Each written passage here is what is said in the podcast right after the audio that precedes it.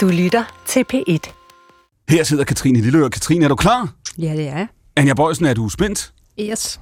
I Michael, som jeg skal kalde hvad nu de næste to timer? Godt kalde mig Mik. For ellers så er det... Glemmer jeg at høre efter. All right, Jytte Wikkelsø, er du parat? Det kan du lige tro. Dette er programmet, hvor gæsterne giver tanker videre til hinanden. Det hedder Stafetten. Mit navn er Clemen Kærsgaard, og dette er Danmarks Radio Program 1.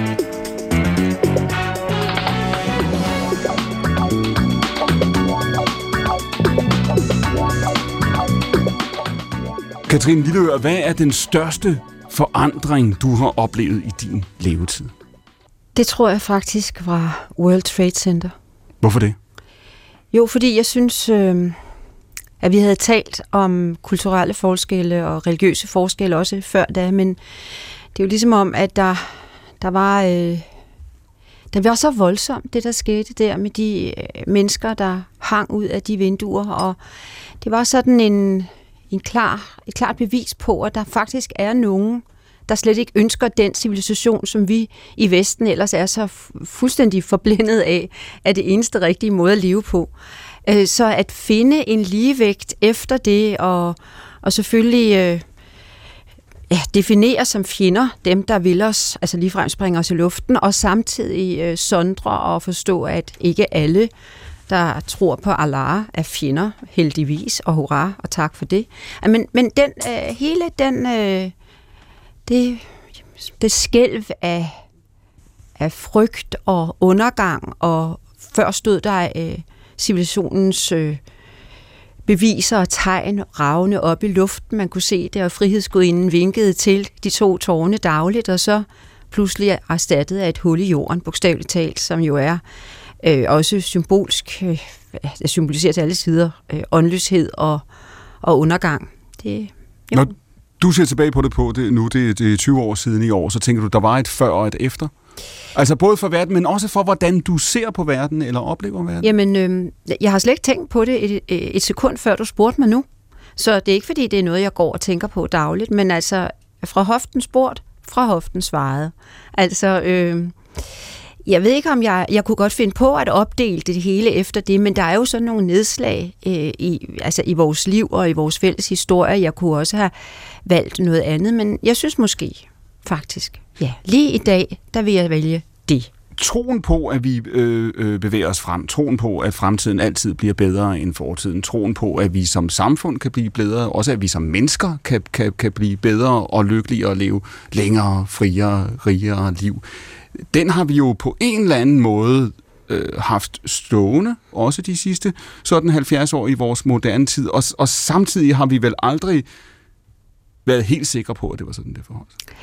Nej, det er også fordi, det er en illusion.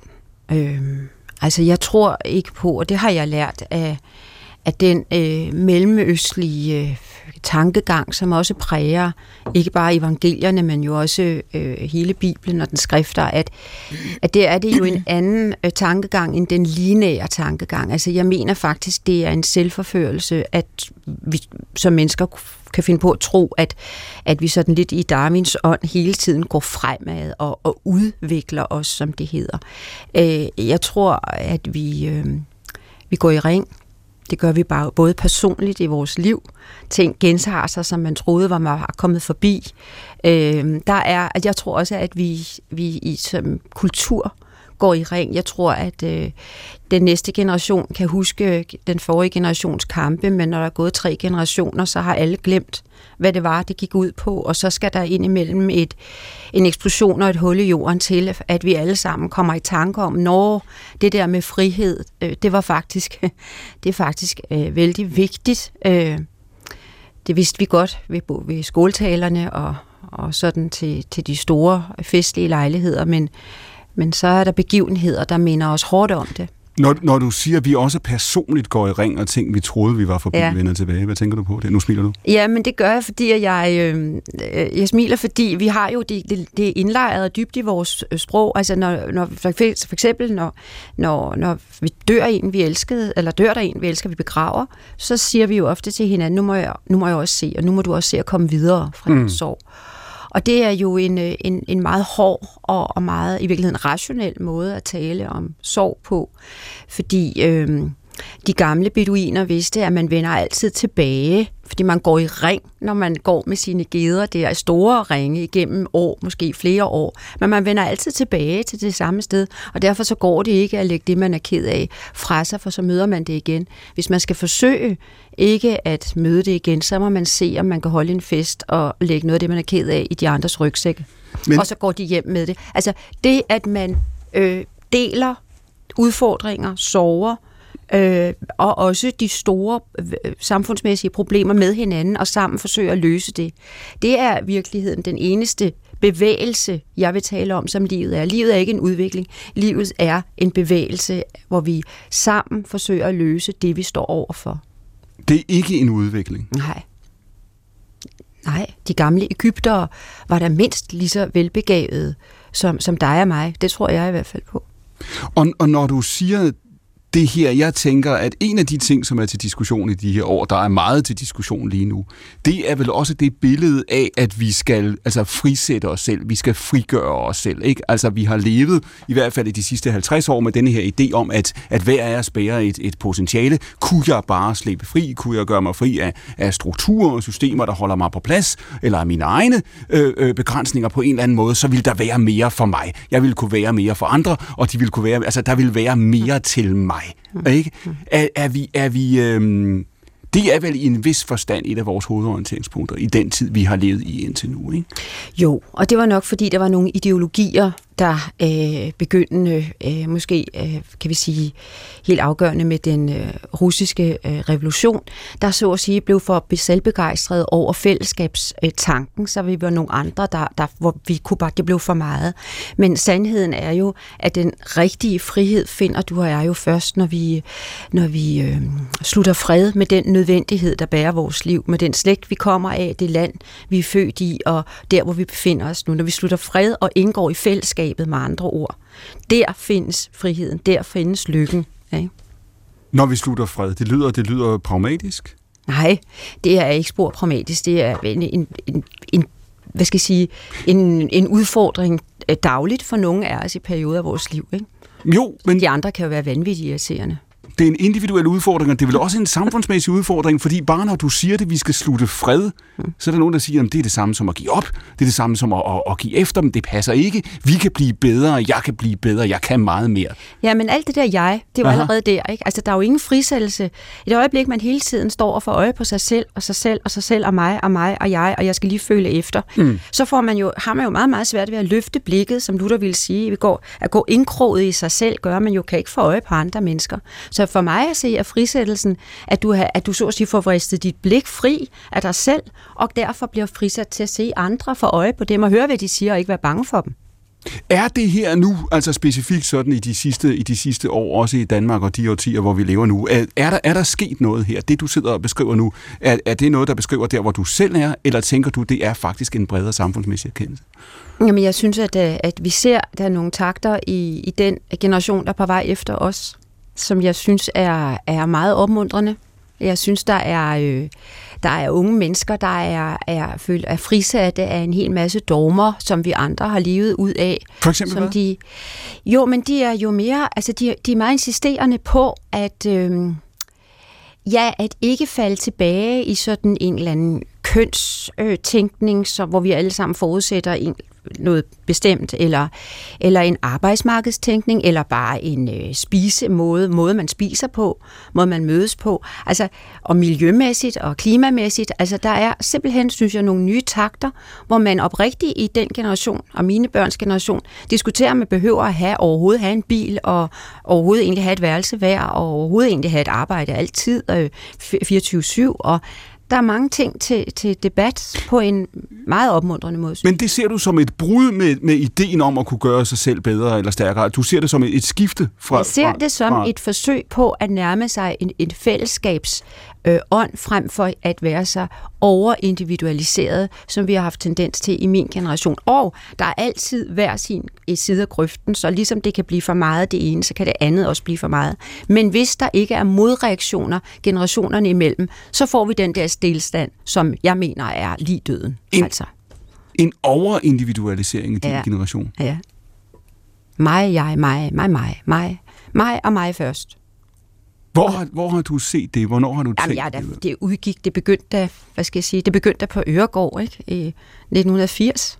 Altså, det udgår fra hele jubiperioden i 80'erne. Det var, meget, det var et meget ikke? konkret svar på en eller anden måde, synes jeg, på et meget abstrakt spørgsmål. Ja, det, det er Ja. rart at få det. Men det er, er Ja. det ikke rigtigt? Jo. Men det er der i den der. Altså, det er uh, smart i en fart og rig, og, og, og kæk og og, hurtige biler, og det var det, det hele kom til at gå ud på. Og Venstre gik fra at være højskolevenstre til at blive handelsskolevenstre, og det hele blev sådan noget med, med mange penge og indtjening og egen lykkes med, og så er vi lykkelige. Altså, og borgerligheden blev også i de år blevet til, blev til sådan noget økonomisk tænkning frem for en dannelsestænkning.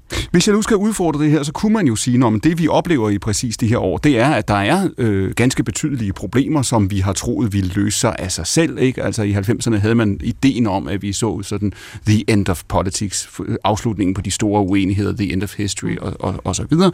Og det vi så har konstateret de sidste øh, 10-15 år, det gælder i forhold til, til, til krig og fred, som du var inde på før, men det gælder også i forhold til økonomien, det gælder i den grad i forhold til klimaet, det gælder i den grad i forhold forhold til øh, social arv, land og by, i, og det er ikke bare Danmark, det er stort set verden rundt, det er, der er masser af konflikter tilbage. Kunne det være, at, at der simpelthen objektivt i tiden er en utryghed her?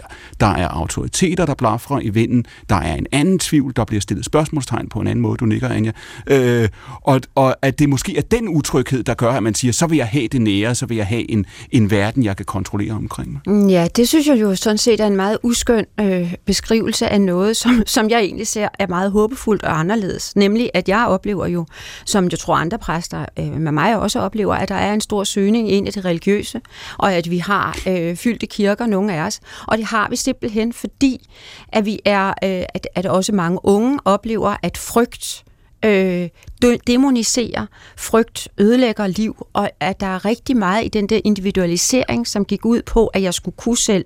Men hvis man ikke tror på noget, og dermed får frygten for sit eget liv og sig selv, ligesom øh, banket lidt ned og væk i bevidstheden, så mister man friheden til at være med andre mennesker. Og den der religiøse tilgang, som vi i hvert fald er gode til i Folkekirken, den oplever jeg stor søgning også fra unge mennesker især i de her år. Og hvad, hvad vil du svare dem, der siger, at det er et krisetegn? Altså præcis det, du lige har beskrevet nu, det er et udtryk for, at vi har nogle objektive problemer, vi ved ikke, hvad vi skal gøre, og så, så kaster vi os ind i kirkerne for at finde. Så vil jeg sige, at det er lige præcis det modsatte jo. Selvfølgelig vil jeg sige det, fordi at jeg hilser velkomment, at, at, man, at man i virkeligheden søger ind i sit eget, for også måske bedre at forstå øh, de øh, trosretninger, som er mere tydelige i, hvad de tror på. Er der, Anja Bøjsen, er der sådan grundlæggende en modstilling mellem det, det, det, det følelsesfulde, det irrationelle og, og alt det der, som vi ikke helt kan forstå og forklare, og så den kolde, beregnende naturvidenskab på den anden side? Du, Nej, det synes jeg ikke. Altså, øhm, du både ryster på hovedet og... Og smiler. Ja. Ja, ja. Øhm, nej, jeg synes, de to ting går fint sammen. Øhm, det kan selvfølgelig ikke være sådan super følelsesmæssigt og, og irrationelt det hele, men den kreativitet, som der også er i naturvidenskab, den kommer jo også tit ud af følelser, intuition, øh, samspillet mellem andre mennesker og øh, andre kulturer. Så det er en falsk modstilling. Det synes jeg. Ja. Kan du genkende det, som Katrine Lilleør beskriver som en overindividualisering, vi har levet med i, i de sidste årtier? Øh, ja, og det er jo også noget, man ser inden for forskning. Altså den måde, vi bliver målt på. Det er jo meget, hvordan øh, vi performer individuelt. Øh, der er alle mulige måleparametre, når der er et H-indeks, hvor meget publicerer du, hvor meget Ja. citerer andre dig. Ja. Øh, så det er jo sådan meget mig, mig, mig. Det er sådan det ultimative, hvis det man kender fra sociale medier, så det er stort set det samme for jer, ikke? Så det er ikke et spørgsmål om likes, men bare et spørgsmål om citeringer i ja. ja, det, nature. Ja, Ja. ja. det er lidt det samme. Ja. Øh, men der kommer også nu en debat af, er det virkelig det rigtige? Er det de rigtige ting, vi måler på? Øh, hvordan måler vi på andre parametre? Hvordan måler man på, at man er en god teamplayer? Øh, at man løfter i hold? At man spiller de andre stærke? Øh, det kan godt være, at man ikke er den, der står sidst eller først på en publikation, men man er måske den, der gør, at det hele det lykkes i sidste ende. Øhm, og, og hvordan måler vi det? det? Det er simpelthen så svært. Og vi kan jo godt lide, at der er et tal. Mm. Og så er du så også god, og så kan du få penge, eller, eller mm. hvad det nu skal være. Ikke? Øhm, Men og siger- det er jo mere kompliceret. Du siger, du, du er jo ekspert i nanoteknologi, og vi skal tale med dig om, om, om lidt, men du siger altså også i jeres branche, også i, i den naturvidenskabelige forskning, hvor I er, der oplever du også en kollektiv bevægelse væk fra det, væk fra det sådan meget simplistisk målbare. Langsomt, ja. Der er Aha. en modbevægelse. Øhm, og den kommer jo også fra de yngre generationer. Altså jeg kan godt forstå, at, at det er meget nemt at identificere et helt felt med en kendt professor, for eksempel. Men det er jo sjældent sådan, det er. der er jo rigtig mange, øh, der gør et arbejde, og hvordan får man synliggjort alle dem, der, der løfter sammen og gør det her muligt. Er det, er det muligt, Katrine Lillør, når du siger det der med, at der har været en overindividualisering? Hvad vil du svare til dem, der siger, at det er det, der har gjort? Nu, nu siger Anja Bøjsen det her med, at det ikke er én professor og en forsker, der løfter det nødvendigvis. Men der er jo nogen, der vil sige, at den moderne kultur, den vi har, det er en præstationskultur. Altså grunden til, at vi har nået det stade af, af, af, af rigdom, som vi har, og vi lever de liv, vi kan, det er fordi, at vi i, i, øh, i 100, 100 år har belønnet dem, der gjorde det bedst og gjorde det hurtigt. Jamen, det er helt Sikkert. Det ene går ikke, er jo ikke i modsætning til det andet, og, det, og hvis vi skal tale om den øh, generation, der var før mig, som jeg vil tillade mig at sige, øh, var, var Rit Bjergårds øh, øh, generation, så vil jeg så sige, at der var jo en, præcis, der havde man overgjort den der fællesskabsting, så ingen måtte være bedre end de andre, og det er jo ganske forfærdeligt. Så, så man kan sige, at den individualiseringsperiode, jeg selv har, har måttet henlive med store del af mit vokseliv i, den var nødvendig i forhold til det. Altså, det hele bliver jo fladt på et eller andet tidspunkt, og så skal der en modreaktion til. Det hele hele bliver, bliver ikke, hvad det var oprindeligt. Vi har brug for en, og vi har brug for de individuelle indsatser, selvfølgelig har vi det. Men det at have sans for, at kunne indgå i fællesskabet, som også er næsten en, øh, en vej til, at dette liv bliver lykkeligt for den enkelte, for at vi så at sige spreder et fællesskab, hvor vi, det er rart at være i. Det tror jeg bare er rigtig, rigtig vigtigt. Men hvorfor har det været så svært at tale imod? Fordi det, du beskriver, det som Anja for den sags skyld beskriver, er jo en, en, en virkelighed og en verden, som vi har levet i, som de fleste af os har levet i i årtier. Hvorfor har det været svært at tale den individualisering altså imod? Det må det jo have været. Jamen, det er, det er fordi, man behøver ikke at være hos Andersen-forsker som mig for at vide, at Annegården, den er slem. Ikke? Altså, den, det, det er ikke noget så slemt som de fællesskaber, der bliver indskrænket. Og, for de bliver mobbende og ubehagelige, så det er jo altid det næste, det vil også være det næste for de gryende forståelse af fællesskaber. Det er jo, at lige så snart man afgrænser et fællesskab og siger til nogen, I må ikke være med, så mister fællesskabet sin uskyld og sin renhed og sin lykke. Jytte Vigelsø, du kender jo denne her, kan man sige, diskussion og denne her udvikling fra flere vinkler. Du har boet i USA i en lang mm. årrække, så USA kender du, Danmark kender du også. Når, når, når Katrine beskriver den her overindividualisering, at, ser du også det? Har vi levet gennem en overindividualiseret tid? Altså, jeg vil jo, øh, øh, jeg vil jo sige ja til, at det hele startede i 80'erne med Gecko-filmen Wall, Wall Street. Street. Greed is good. Exactly. Og den amerikanske kultur som sådan er jo meget mere øh, materialistisk end den danske, og det var jo også det, der gjorde jeg til sidst længtes tilbage til Danmark, fordi vi har en anden dybde, og jeg havde brug for at blive genkendt i min danskhed. Men du havde brug for at blive genkendt i din mm. danskhed? Hvad mener du med det? Når du er i en fremmed kultur, ja.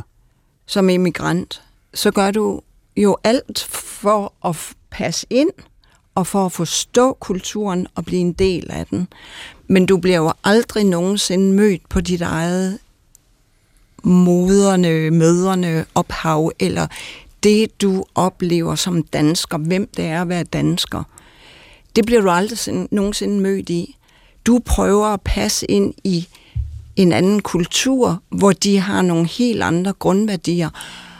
Og Skandinavien har altså en anden dybde. Da, man skal ikke tale ret længe med danskere, før man falder ned i dybere lag.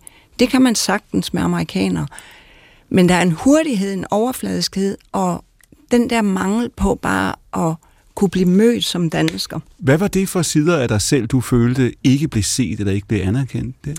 Øh, altså, jeg tror, jeg længe havde oplevelsen, men jeg var ikke bevidst om den. Den Aha. lå bare som en, måske en slags følen sig lidt ved siden af, eller lidt usikker. Eller du tænkte, det var noget med dig selv? Eller en, ja, ja, jeg er meget introvert, så jeg, og amerikansk kultur er meget ekstrovert, så ja. jeg tænkte, det er mig, der er svært ved at virkelig øh, komme på banen så hurtigt, som de er.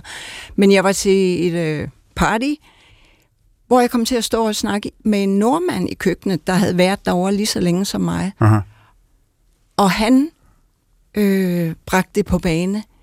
Det der med at blive mødt af en anden skandinavier. Og det var det øjeblik, det faldt på plads for mig. Hvor jeg meget jeg savnede bare at den der selvforståelse, hvis jeg snakker med dig, hmm. så er vi jo lige meget, hvor forskellige vi er. Vi har en fælles kulturbaggrund, hvor vi forstår hinanden gennem vores kultur, og de værdier, der er vigtige i vores kultur. Det blev en underskudsoplevelse. Så jeg begyndte at længe sig, og jeg var meget bange for at komme tilbage til andedammen. Meget bange. Hvorfor det? Fordi jeg tror, at dengang jeg kom til USA, det var første gang, jeg oplevede, at jeg var ambitiøs, mm-hmm. eller hvor ambitiøs jeg i virkeligheden var. Ja. Fordi det var, det var lidt forbudt i Danmark.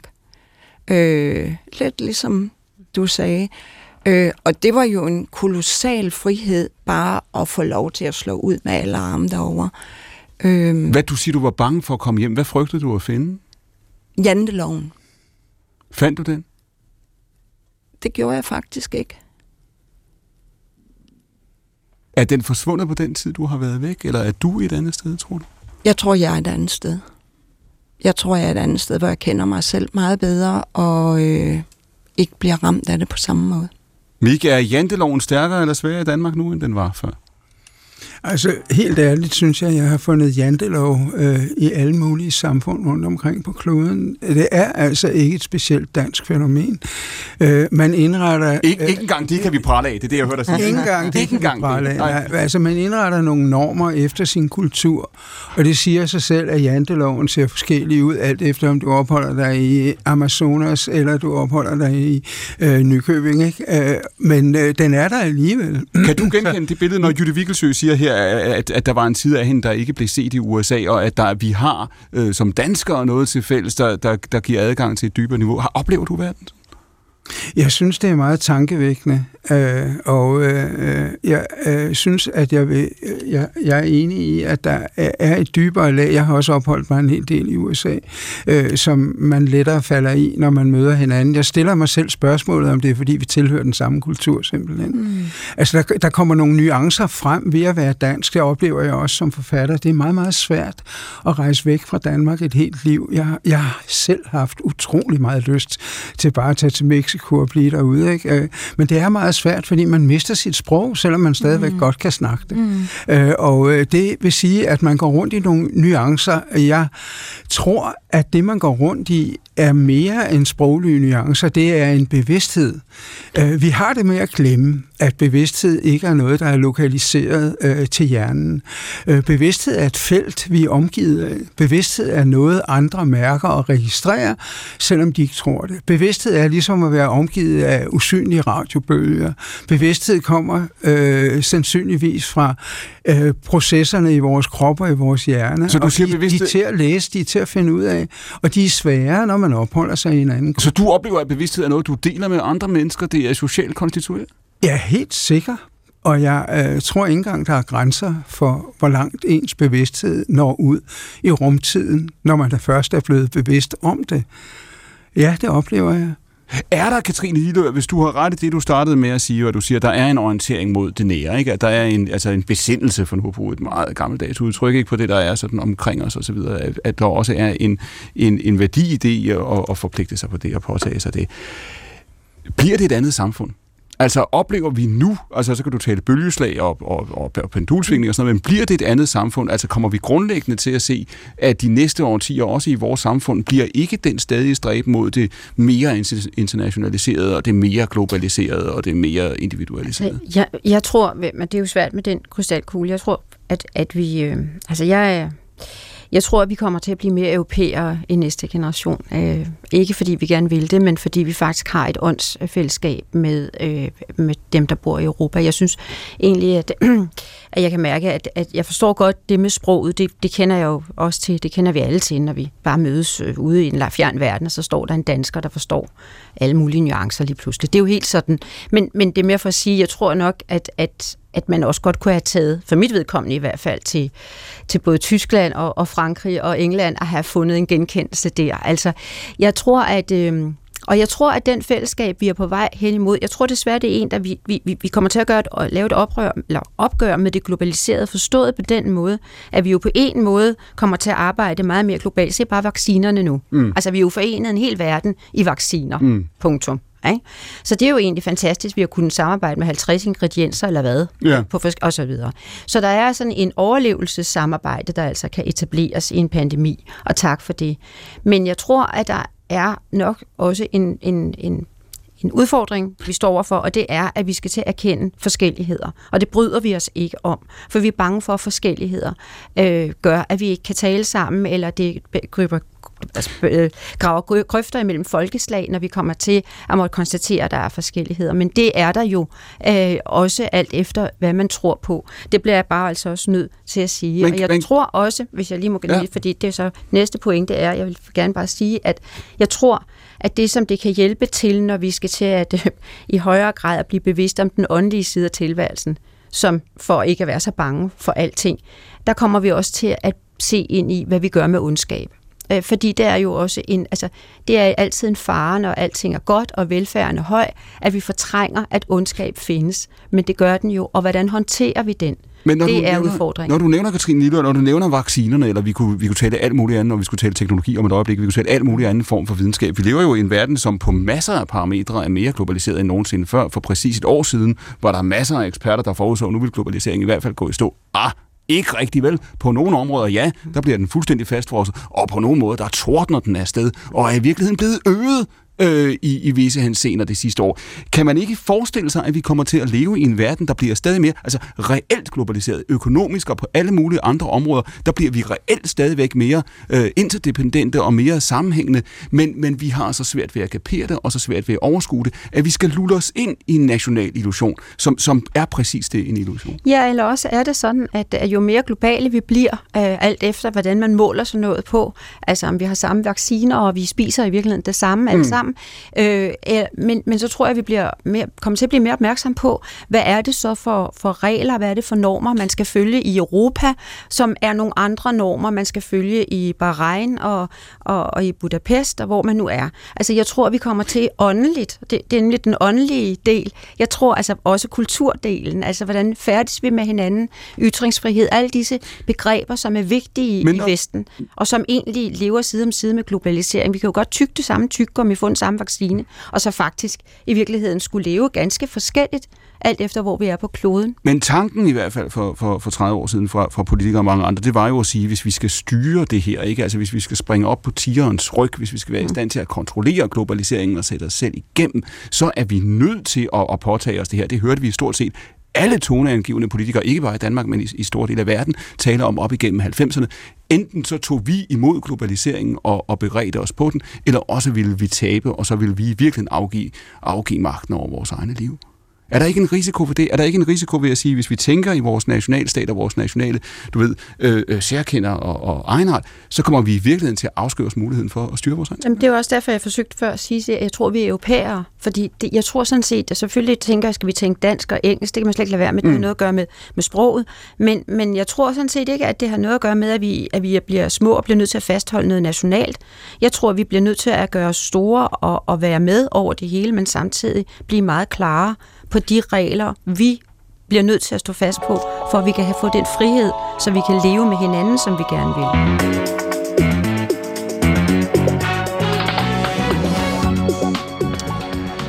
Nå, Anja Bøjsen, i 1959 der holdt den amerikanske fysiker Richard Feynman en forelæsning med titlen There's plenty of room at the bottom. There's, der er masser af plads på bunden. Mm-hmm. Hvad var det, han forudså? Jamen, øh, jeg tror på det tidspunkt, der var fysikken der, hvor der var mange fysikere, der følte, at nu havde vi ligesom opdaget, hvad vi skulle, og vi havde beskrevet, hvad der skulle beskrives. Så fysik var sådan dødt, kan man sige. Og så holder han så den her lidt provokerende forelæsning, hvor han siger, at altså, der er simpelthen så meget, vi ikke har forstået endnu, og det er nede på den meget lille skala. Så han står på det tidspunkt, nu skal vi lige spole tilbage til 59, du siger, altså han siger også, fordi undertitlen på forelæsningen er an, invi- an invitation to enter a new field of physics, ikke? og yes. det er jo på kanten, da han siger det her og formulerer det her, der er det på kanten af en her sagt sci-fi, eller det der er værre, ikke? Jo, Ja, det, ja fordi han, han siger jo netop, at vi kan flytte rundt med atomer, vi kan bygge nye materialer. Han siger faktisk også på et tidspunkt, at vi kan sluge vores egen læge. Altså lidt sådan den der lille robot, der skal hele vejen ned i. At vi kan sluge igennem. vores egen læge? Ja. At det og er jo det faktisk er noget, man arbejder på i dag. I 1959, ja.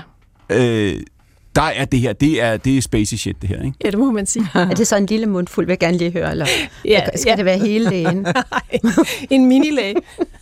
og, og, og, og, han siger, i stedet for, det er jo på det her tidspunkt, hvor der har man, der har man jo fået, det er jo relativt i virkeligheden kort efter øh, øh, 2. verdenskrig, det er relativt kort efter diskussionen om atombomben, man har lige ja. stået med, kan du sige, det i midten af det 20. århundrede, konsekvenserne af altså Teknologi, ja. teknologien. Ikke? Ja. Og så siger han i virkeligheden, at vi skal være færdige med at kigge i det store, og vi skal kigge i det små. Ja det gør han. Øhm, og det er jo en meget visionær tale, øh, og jeg tror heller ikke, at den bliver i, i starten ikke fanget eller refereret særlig meget. Øh, men den bliver jo skrevet ned.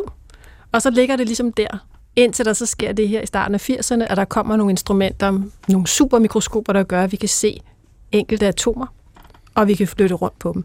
Så der går 25 år fra det, da han siger det på det her tidspunkt i 59, ja. der er det, altså kan man sige, en teoretisk eller nærmest en, altså en matematisk proposition. Ikke? Det er jo, en påstand. det er en påstand. Han, han beskriver, at, at det, må, det må... Det må være muligt. På en eller anden måde. Han har ikke løsningen. Han har heller ikke løsningen på at sluge en læge. og det, der er, må være muligt, det er ganske enkelt, og det er jo i virkeligheden så simpelt som at flytte på atomer og at ændre verden på atomart plan. Ja. Som med en pincet. Med en lille pincet, ja. Det er faktisk det, der sker. Det er helt Og vildt. de næste 25 år, så sker der ikke noget? Nej, Stort set. stort set, ja. Og hvad er det så, der sker i midten af 80'erne? Jamen det, der jo egentlig er lidt sjovt også, hvis man kan tale den kreative proces, det er jo nogle forskere, der sidder på IBM i Zurich, øh, Gert Bennig og Heini Rohr, og de har jo egentlig fået til opgave at arbejde med noget helt andet, superledning. Øhm, og så ved jeg simpelthen ikke, hvad der flyver ind i hovedet på dem, men de så laver så det her mikroskop, der gør, at de kan se enkelte atomer på en overflade. Øhm, og da det først bliver publiceret, tror jeg også, der er mange, der tænker, at det her det, det er humbug. Øh, det kan ikke være rigtigt. Men det viser der jo så, at det er det. Øh, og efterfølgende sker der så det, at IBM begynder at flytte rundt med enkelte atomer, og de skriver så IBM med atomer. Øh, og så begynder der jo at komme hele den her bevægelse øh, inden for det, der bliver til nanoteknologi. Fordi man kan se, at nogle af de visioner, som var langt tilbage i tiden, det kan faktisk godt lade sig gøre i virkeligheden. Og, og, og hvad er så, det næste spørgsmål, hvad er så begrænsningen i det? Fordi i det øjeblik, så kan vi bygge alting op fra bunden i princippet. I princippet, jamen det tager bare så vanvittigt lang tid. Øh, der var nogle visioner, der var en, der hed Erik Drexler, også i 86, der kom øh, med nogle bøger nogle visioner om, at man kunne bygge nogle små robotter, der så byggede nogle større robotter, og som så byggede, altså selv øh, replikerede sig selv. Så vi havde sådan nogle sværme af nanorobotter, det kan I måske godt huske, der har været sådan nogle film omkring. Øhm, men det skete ikke rigtigt. Øhm, fordi det er nok ikke måden, vi skal gøre det på. Men i princippet kan vi godt atom, one by one, øh, bygge noget op. Øh, men vi skal nok finde på nogle andre måder at gøre det på, for det skal gå hurtigt nok. Fordi Og- atomer er altså virkelig, virkelig små. Og det vil være rigtigt at sige, at det felt, som du arbejder inden for i dag, det er altså utrolig bredt. Ikke? Der er, er områder, hvor I sidder, og hvor I, I skal man sige, fokuserer meget på muligheden af det her, og så er der også områder, hvor, hvor der er et teoretisk potentiale, men hvor det ikke er så meget mere end potentiale nu. Ikke? Jo, altså der er nogle ting, hvor man kan sige, det er jo en teknologi, som, som snart er noget, man kan gå ud og købe. Og så er der andre ting, hvor der er rigtig lang vej igen. Hvor er I længst? Hvor er man kommet længst? Altså der, hvor det først er kommet igennem, og hvor man kan købe ting, det er jo inden for sådan nogle nanomaterialer, at man blander øh, sådan nogle kul-nanorør for eksempel i plast, så det bliver meget stærkere, end det ellers ville være. Man nanostrukturerer overflader, sådan så vand aldrig vil sætte sig fast, aldrig kan blive beskidt for eksempel. Ja, fortæl mig om lotusblomsten. Hvad er der med lotusblomsten? Ja, men jeg ved ikke, om I har prøvet, måske har du, Meg, stået og, og lege med en, øh, en lotusblomst, altså man smider noget mudder på den for eksempel, og så glider det bare fuldstændig af, så den renser sig selv. Mm. Og nu, hvis man kigger på den i et skarpt mikroskop, så kan man faktisk se, at bladene er, er simpelthen nanostruktureret. Den har ligesom sådan en masse nanobobs på den. Og det er faktisk det, der gør, at vandet ikke rigtig kan få fat. Det vil altid ligesom ende som en kugle på overfladen, og så ruller det jo af og tager skidtet Og med sig nano af. her betyder intet andet, end at det er små altså enheder. Ikke? Små enheder. Altså, så så en nanometer, det er en milliontedel af en millimeter. Så hvis Ja. I tog en lineal, og så fandt I en millimeter på linealen, så skal I lige skære den op i, hu, i uh, Så- en million dele. Så der er ikke noget hokus pokus her, der er ikke noget, altså nano er ikke et, altså det er ikke et bestemt karaktertræk, så Nej, det er bare det er- fordi det er småt. Vi arbejder på den her længdeskala. Og Ja. der siger du, at hvis man står med en lotus, øh, lotusblomst, så siger du så, altså så opfører den sig på en måde, som vi i, i virkeligheden op, opfatter som unaturlig, eller i hvert fald exceptionel. Ikke? Ja, eller rimelig smart også selvfølgelig, men uh, ja, det ser og, mærkeligt ud. Og hvad er det for en pointe, der er med sommerfuglevinger?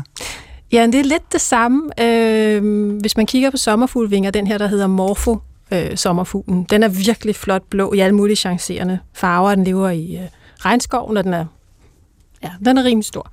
Øh, og øh, hvis man så kigger efter, så har den ingen kemi i sig. Der har, den har ikke øh, nogen pigmenter.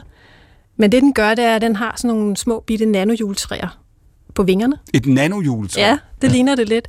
Øhm, og det gør så afstanden mellem de her grene på det her juletræ, det svarer lige til bølgelængden på blåt lys. Så det blå lys, det kan komme tilbage. Alle andre farver af lys, det går igennem det, der hedder destruktiv interferens.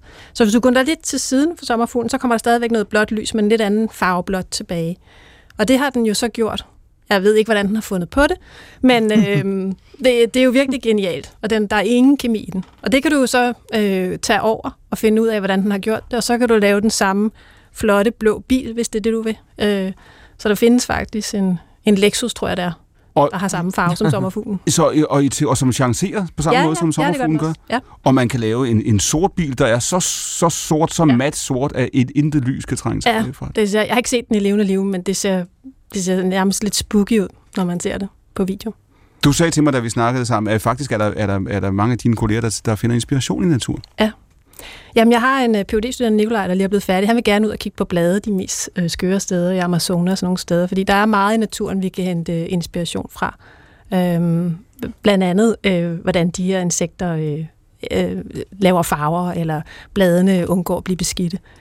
Øhm, så ja, der er meget, vi ikke har opdaget nu. Og, og man kan sige, at grunden til, at vi taler om det her nu, og grunden til, at, at, at der, er jo sket, der er jo sket en acceleration ikke? Jo. inden for de sidste, ja, hvor mange år, hvornår er det accelereret? Jamen, jeg synes, det er sket inden for de sidste 5-7 år, hvor jeg Ja. nogle af de ting, jeg så, når jeg kom til konferencer og sådan noget, så tænkte jeg, oh, det er da meget sjovt, men det kommer da aldrig til at fungere. Altså, jeg Man havde taler- aldrig tænkt på, at der skulle komme en bil, der lignede den der sommerfugl. Man taler om i, i videnskaben jo paradigmeskift, ikke? at der kommer ligesom et punkt, hvor man siger, at der er før punktet, og der er efter punktet. Hvad har paradigmeskiftet været, eller hvorfor, hvorfor, hvad er det, der har flyttet sig? Jeg tror altså, det er en masse teknologier, der er blevet udviklet parallelt. Altså en ting er jo hele den her chip-teknologi, øh, den har foregået vildt hurtigt. Altså alle, vi har jo alle sammen, jeg ved ikke, hvor mange chips siden i vores øh, iPhones for eksempel.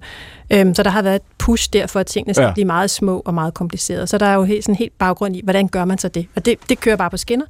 Og så kan man jo så sige, hvis man nu har den her nanostrukturerede overflade, som aldrig må blive beskidt, så kan du tage nogle, stjæle nogle af de teknologier, der er blevet udviklet i et andet felt, for eksempel chipindustrien eller fødevareindpakning og sådan noget, og så kombinerer du det på Så en måde. ideen om at lave, altså, en, altså, altså på den mest basale måde, en, en harddisk, som er opbygget af Ja. enkelte atomer, som jo så vil være bitte lille. Ja. Og der, der er man ganske langt, ikke? Jo, det er man. Man er virkelig langt. Man presser her. Det skal jo hele tiden være mindre og bedre og, og hurtigere end det, vi havde. Så der, det, der har jeg også lidt svært ved, at tingene går i ring nogle gange, må jeg bare sige. Jeg, jeg, jeg kan godt se, at der er en udvikling, og tingene bygger på hinanden, men det kan vi måske tale om lidt senere. Men inden for videnskab, der, øh, der står vi jo meget på skuldrene af det, der allerede er udviklet, og vi kombinerer på kryds og tværs på måder, som, ja, vi er jo Det- hele tiden inspireret. Det foregår mig, at jeg enten vi taler om det her, eller vi taler om, om, om robotteknologi, selvkørende biler og ting, og så der sker ting i øjeblikket, hvor vi, de, hvor vi bare de sidste få år i virkeligheden har talt om teknologien på en lidt anden måde, end vi har gjort i et par årtier. Ikke? Altså, det var som om, at der var, nu var vi tilbage før i 59, ikke? og det mm. var som om, at der var en, en forventning om for 30-40 år siden, at tingene ville gå meget stærkt. Ikke? Man talte om gensplejsning, man talte. Ja. om, om, om øh, altså, alle, alle mulige former for nye teknologier. I det øjeblik, det så ikke materialiserer sig, eller måske Ja. Fordi så kommer mit spørgsmål. I det øjeblik, at vi vender os til det, men ikke længere opdager det. Fordi ja. sandheden er jo, at der er sket masser af ting ja. Omkring os, vi bare ikke ser. Ja, det er rigtigt. Øh, der er jo masser, jeg synes, vi er enormt hurtige til at tage ny teknologi til os. Øh, og så er det der bare. Og jeg tror også, det du beskriver med, at vi har for, man havde også mange forventninger til nanoteknologi. Øhm, og så for, har man meget høje forventninger, og så sker det måske ikke lige så stærkt, som vi havde regnet med. Så bliver vi lidt skuffet måske. Øhm, og, men så, det udvikler sig jo stadigvæk, og det udvikler sig hurtigere og hurtigere og hurtigere, og så, bup, så pludselig så er der nogle ting, vi ikke havde regnet med, var der. Øhm, og det samme tror jeg med selvkørende biler eller robotter. Jytte. Vikkelsø, når, når du hører fremtiden beskrevet her med det her øh, potentiale, noget af det er utroligt konkret, og noget er stadigvæk meget abstrakt, tænker du, det bliver en smukkere og finere verden, jo mere vi selv bygger den, eller tænker du, vi mister et eller andet i det øjeblik, vi kan manipulere og designe alt omkring os? Øh, jeg tror, det i sidste ende kommer an på vores egen øh, etiske udvikling. Hvem er vi som mennesker? Hvordan kigger vi på hinanden? Hvis vi ikke udvikler os medmenneskeligt, så tror jeg, at alle de her ting kunne blive vanvittige. Hvis, fordi teknologi og den slags udvikling er jo langt forud for vores personlige udvikling, og hvis vi ikke lærer at have dyb respekt for vores medmennesker, så tror jeg, at det nemt kunne gå ud af, øh, hvad hedder det, out of hands. Er det rigtigt, Anja Poulsen? Du, Ja, ja. ja men det, det synes jeg. Altså, der er jo masser af etiske overvejelser i meget af det her omkring ny teknologi, og hvad vi kan, og hvad, hvad, og hvad vi ikke vil bruge den til. Og at vi bruger robotter på en god måde, og ikke øh, Mm. fjerner os selv fra hinanden, for eksempel. Og du siger for eksempel, når det gælder, hvordan vi, hvordan vi bygger maskiner ind i os selv, hvor meget vi bliver ja. Maskiner. Og det her er, vi, det er jo ikke en virkelighed, vi er så fjern fra at skulle tage stilling til. Egentlig. Nej, altså man kan sige, at nano er jo på mange måder en god øh, størrelseorden til at interface med, med vores krop, og det er jo samme størrelse som DNA, og det er nemt at komme ind i celler og den slags ting. Så øhm, der er jo nogle implantater, der, hvor jeg siger, at det er jo helt fantastisk, at vi har de muligheder i dag. Ja, så er der, hvor langt vil vi gå? Altså, vil vi gerne have en ekstra chip i hjernen, så vi husker lidt bedre, eller nogen er lidt smartere end andre? Øhm, jeg nævnte også et eksempel tidligere med, at der er nogle forskere, der har fundet ud af, hvordan man kan se i mørke. De skal bare have nogle ekstra nanopartikler ind, så vi både kan se i dagslys og i mørke. Man har kun gjort det i mus, så vi, okay. men stadigvæk. Så der er masser af, af muligheder. Så mm. hvad vi, hvor langt vil vi gå? Hvad vil vi være med til?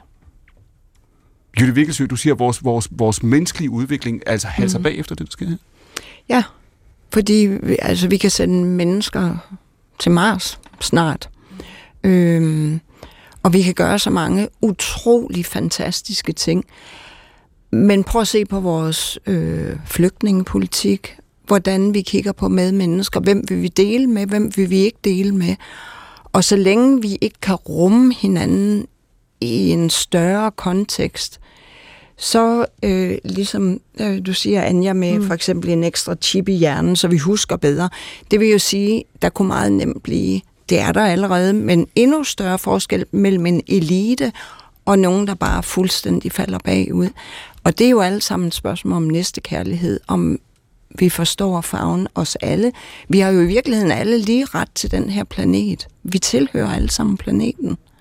Hvor meget fylder Anja Bøjsen alle de dilemmaer? Når I sidder med det her, så sidder I jo, I jo drevet af nysgerrighed før mm. sidst. Ikke? Mm. Men vi er også meget drevet. Jeg synes, der er en, en virkelig stor diskussion om øh, etik også, og moral, mm. og, og altid. Øh, og det er jo også, altså jeg tror, jeg kan godt kende igen, der kommer jo en yngre generation, som virkelig stiller spørgsmål, mm. og, og er kritisk over for os. Øh, ja, hvad skal det her bruges til, øh, og hvor kommer pengene fra? Øh. Men det vil, det vil være rigtigt at sige, at de etiske dilemmaer her er ikke nogen, som I først står over for om, om fem eller ti år. De er der faktisk allerede. Ja, helt sikkert. Og dem har vi vel haft længe, også inden for genteknologi og andre ting. Så det er bare med at blive ved med at gå ud og fortælle, hvad vi kan, mm. øh, og diskutere, hvad Men, konsekvenserne er. Er det os, der bliver Gud, Anja Brøsen? Nej, det synes jeg ikke. Hvorfor Det er. øhm, det er det også. Det er det ja, også. det er, det, også. det er måske det rigtige svar i virkeligheden. Tak. I, Jamen, dermed mener jeg jo, at øh, vi er jo i al beskedenhed en del af det univers, vi lever i. Mm. Øh, vi deler øh, alle mulige principper, som er fælles for hele universet. Vi, vi deler altså elektrisk felt, øh, deler vi elektromagnetiske felt, øh, manifestationer. Vi har ikke for alvor, synes jeg, endnu erkendt, Øh, at øh, universet ikke består af ting, og vi bliver ved med at tale om det. Selv når vi går ned i nanostørrelsen, taler vi mm. stadigvæk om ting. Nu snakker vi bare om små ting. Men universet men, består ikke af ting, universet består af begivenheder. Hvad mener du med det? Jamen, det mener jeg det samme som Einstein og alle mulige andre fysikere, at alt i universet er en begivenhed. Alt er kun begivenheder. Begivenheder, der finder sted øh, motiveret af hinanden i et stort kaos, øh, og ud af dette store kaos, så opstår der en orden, den bevægelse, ligesom den anden termodynamiske lov, alting søger mod en større orden, øh, at øh, universet er bare i gang med at udveksle alle de energier, alle de forskellige øh, grundstoffer, øh, øh, de består af, øh, og alle de øh, kemiske og biokemiske reaktioner, der er muligt. Og det er vi jo en del af. Altså, jeg hvad siger du til den? Kan man se universet som begivenheder? Jamen, det kan jeg godt forstå, at Mick han siger. Ja, ja, det, som jeg så sådan føler lidt, det er jo, at jeg tror meget, at vi har jo en fri vilje, så vi går jo ind og påvirker, uanset hvad mm. vi gør. Ja. Øh, så, øh... nu, siger Mik, nu siger Michael før, at vi er, vi er en del af universet også, ikke? Altså, vi er jo, jo tilbøjelige til at betragte rigtigt. os selv som nogen, der, der, der, der, der står udenfor. Det er jo en klassisk videnskabelig diskussion, ikke? Jo. Altså, opfører atomet sig anderledes, fordi jeg i, i agt har det. Ja. Nu, når, når Michael siger, at vi er en del af universet, vi er her allerede, vi påvirker det allerede, så er det en illusion at tro, at vi kan sætte os udenfor i, i, i, altså i beskuerens rolle? Nej, det, øh, vi påvirker, det er helt klart. Så jeg kan godt forstå dit spørgsmål. Øh, jeg har det bare meget svært ved at sige, at vi leger Gud. Øh, men selvfølgelig de ting, vi, vi gør, påvirker. Øh, og, og, og det har konsekvenser, hvad vi nu end beslutter os for. Det har konsekvenser, det har også konsekvenser, hvis vi ikke gør det, men ja. vi, vi pådrager os også et, et, et ansvar her, et større og større ansvar. Ja, helt sikkert. Men jo også større muligheder. Større muligheder for at være med til at at løse flygtninge, altså, eller nogle af de praktiske ting, der kan være omkring, mm. øh, vi har mange flygtninge, eller klimaproblematikken mm-hmm. øh, er jo en anden ting. Hvor Så du siger, det er også et moralsk valg at afstå? Ja. Anja Bøjsen er professor og ekspert i nanoteknologi. Iben Michael er forfatter aktuel med rendringsbogen Syv Rejser. Jytte Vikkelsø er Ph.D. i socialpsykologi. For fire år siden udgav hun bogen Derfor forelsker du dig aldrig den forkerte, aldrig nogensinde, Jytte Vikkelsø. Nej. Never ever. All right, Never det vender ever. vi tilbage til. Og Katrine Lilleør er sovnepræst. Dette er programmet, hvor gæsterne giver tanker videre til hinanden. Mit navn er Clemen Kærsgaard. Du lytter til Danmarks Radio Program 1. Og nu er der en radioavis, men vi er tilbage i studiet om præcis 3, 3 minutter. Klokken er 13. Velkommen tilbage til time 2. Katrine Lilleør, er du klar? Fuldstændig. Anja Bøjsen, parat igen? Ja. Ib Michael, det er dig, jeg skal snakke med om et øjeblik. Så klar. Det er godt, og Jytte Vikkelsø klar til anden time. Jeg er fuldstændig parat. Dette er programmet, hvor gæsterne sender tanker videre til hinanden. Mit navn er Clemen Kærsgaard, og dette er Stafet på B1.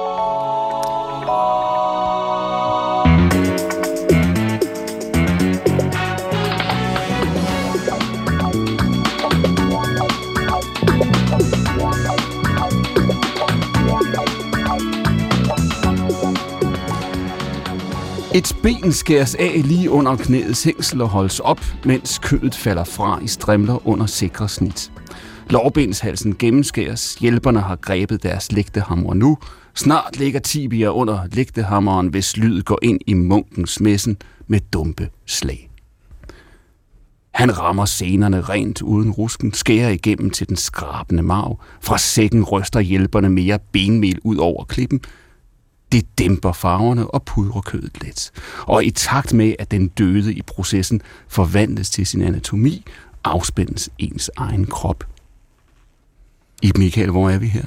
Tibet, øh, vi er øh, ved en himmelbegravelse, som jeg har overvejet en gang. Det endnu ikke var forbudt for de fremmede at overvære en himmelbegravelse. En himmelbegravelse består simpelthen i, at nogle professionelle slagtere skærer den døde op, øh, så det virkelig forslår. Altså i alle detaljer. Mange af dem bliver kommenteret undervejs. Ikke? Øh, til sidst bliver hovedet øh, også hugget af, og så fører han en kniv ind bag det ene øre, og så skræller han, ligesom man skræller en appelsin, så ansigtshuden kommer af i en sammenhængende lang spiral og falder ned på klippen.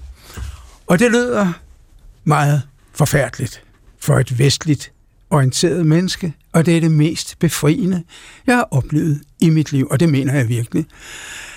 At se den der proces, at være så tæt på døden, på dødens stof, på kroppen, på hylsteret, mens de jo samtidig, og der munken kommer ind i billedet, er jo, at de befrier jo sjælen fra dette hylster, så sjælen kan komme videre i sin række af genfødsler. Det er et genialt koncept, men det kan desværre ikke indføres. Jeg har spurgt præster i Folkekirken. Jeg kan ikke blive himmelbegravet Hvor det herhjemme. står og falder med bedemændene, det her. Ja. ja, det kan være. Ja. Lad os lige prøve det. Be- Beskrivelsen, det er i din nye bog, Syv Rejser. Det er i Tibet. Hvornår? Det er i øh, Tibet i, i, i flere omgange. Det her er i Tibet i 1985. Der var, Aha. det lige, der var der lige blevet lukket op øh, fra kinesisk side for rejser til Tibet. Det havde ikke været muligt indtil da. Og vi var altså nogle venner, der bare skyndte os afsted øh, og, øh, og havnede i Lhasa. Så det foregår lidt uden for den tibetanske hovedstad Lhasa. Øh, og siden er det blevet fuldstændig forbudt at overvære. Allerede dengang måtte man ikke øh, tage billeder af det. Så du tilhører en, en udvalgt gruppe, kan man sige, som er, er udforstående, som har fået lov Jeg har til fået lov til at, opveje, at overvære en himmelbegravelse. Pointen er jo, at lammegribene kommer til sidst, når de har knust hver en knogle og skåret alt kød til strimler, og så rydder de op på den der klippe. Og det tager dem et par minutter, så er det væk. Og så letter gribene, og så flyver de jo altså op i himlen med den døde, og derfor hedder det en, en himmelbegravelse. Og de pårørende er til stede og overværer det her øh, med en stor kærlighed, kan man sige, til det, der skal ske. For de ender med at gå ned på klippen, hvor den døde er blevet parteret, og så holder de om hinandens skuldre, mens de danser en dans, der siger, her ender også vi. Mm-hmm. Og den proces med de detaljer, som du beskrev før, som står, så det virker som om, det står så frisk i din erindring, som om det var i går, ikke? Jeg kan aldrig glemme det. Ja. Hvorfor er, er, er, er altså, hvorfor er detaljerne nødvendige? Når man ser det, når man, når man gennemgår det, hvorfor, hvor, hvad er det, den fysiske proces kan med alle de stadier her? Den, den kan jo befri os, fordi at øh, vi har i den grad klynget os til vores kød, mens vi har været i live. Ja. Og det er jo også formålet med os, det er jo, at, øh, at, vi, at, vi, at vi skal overleve dette liv. Ikke? Altså, det er jo fuldstændig umuligt at slippe for det der instinkt. Og pludselig ser man nogen, der gør sig bekendt med, ja ja, det var bare en overfrakke, det var bare et hylster. Al den energi, øh, som har været til stede i, det, i, det, i, dette, øh, i dette menneske, den er nu befriet og kan gå videre. Selvom man måske ikke øh, abonnerer på den tibetanske buddhisme, så kan man stadigvæk forstå, at her er der, altså hvis man kan opleve den befrielse, det kan jeg så ikke sige, om alle vil gøre, men jeg har aldrig nogensinde følt mig så sikker på, at fra nu af vil jeg aldrig nogensinde kunne være bange for døden. Og slet ikke for dødens symboler, som vi jo gør så frygtelig meget ud af i vores egen kultur. Ikke? Så du siger, at i det øjeblik, altså, at ansigtshuden er blevet skrællet af som en appelsinskrald, der ligger der, så, tænk, så, mær, så du, du mærker en, en, en tryghed i virkeligheden? Ja, jeg mærker en, en, en forvisning, øh, en lettelse om, at jamen, så er det ikke vigtigere. Det, altså, så er hylstret ikke vigtigere. Føler du dig bekræftet i det øjeblik i, at der findes en ånd?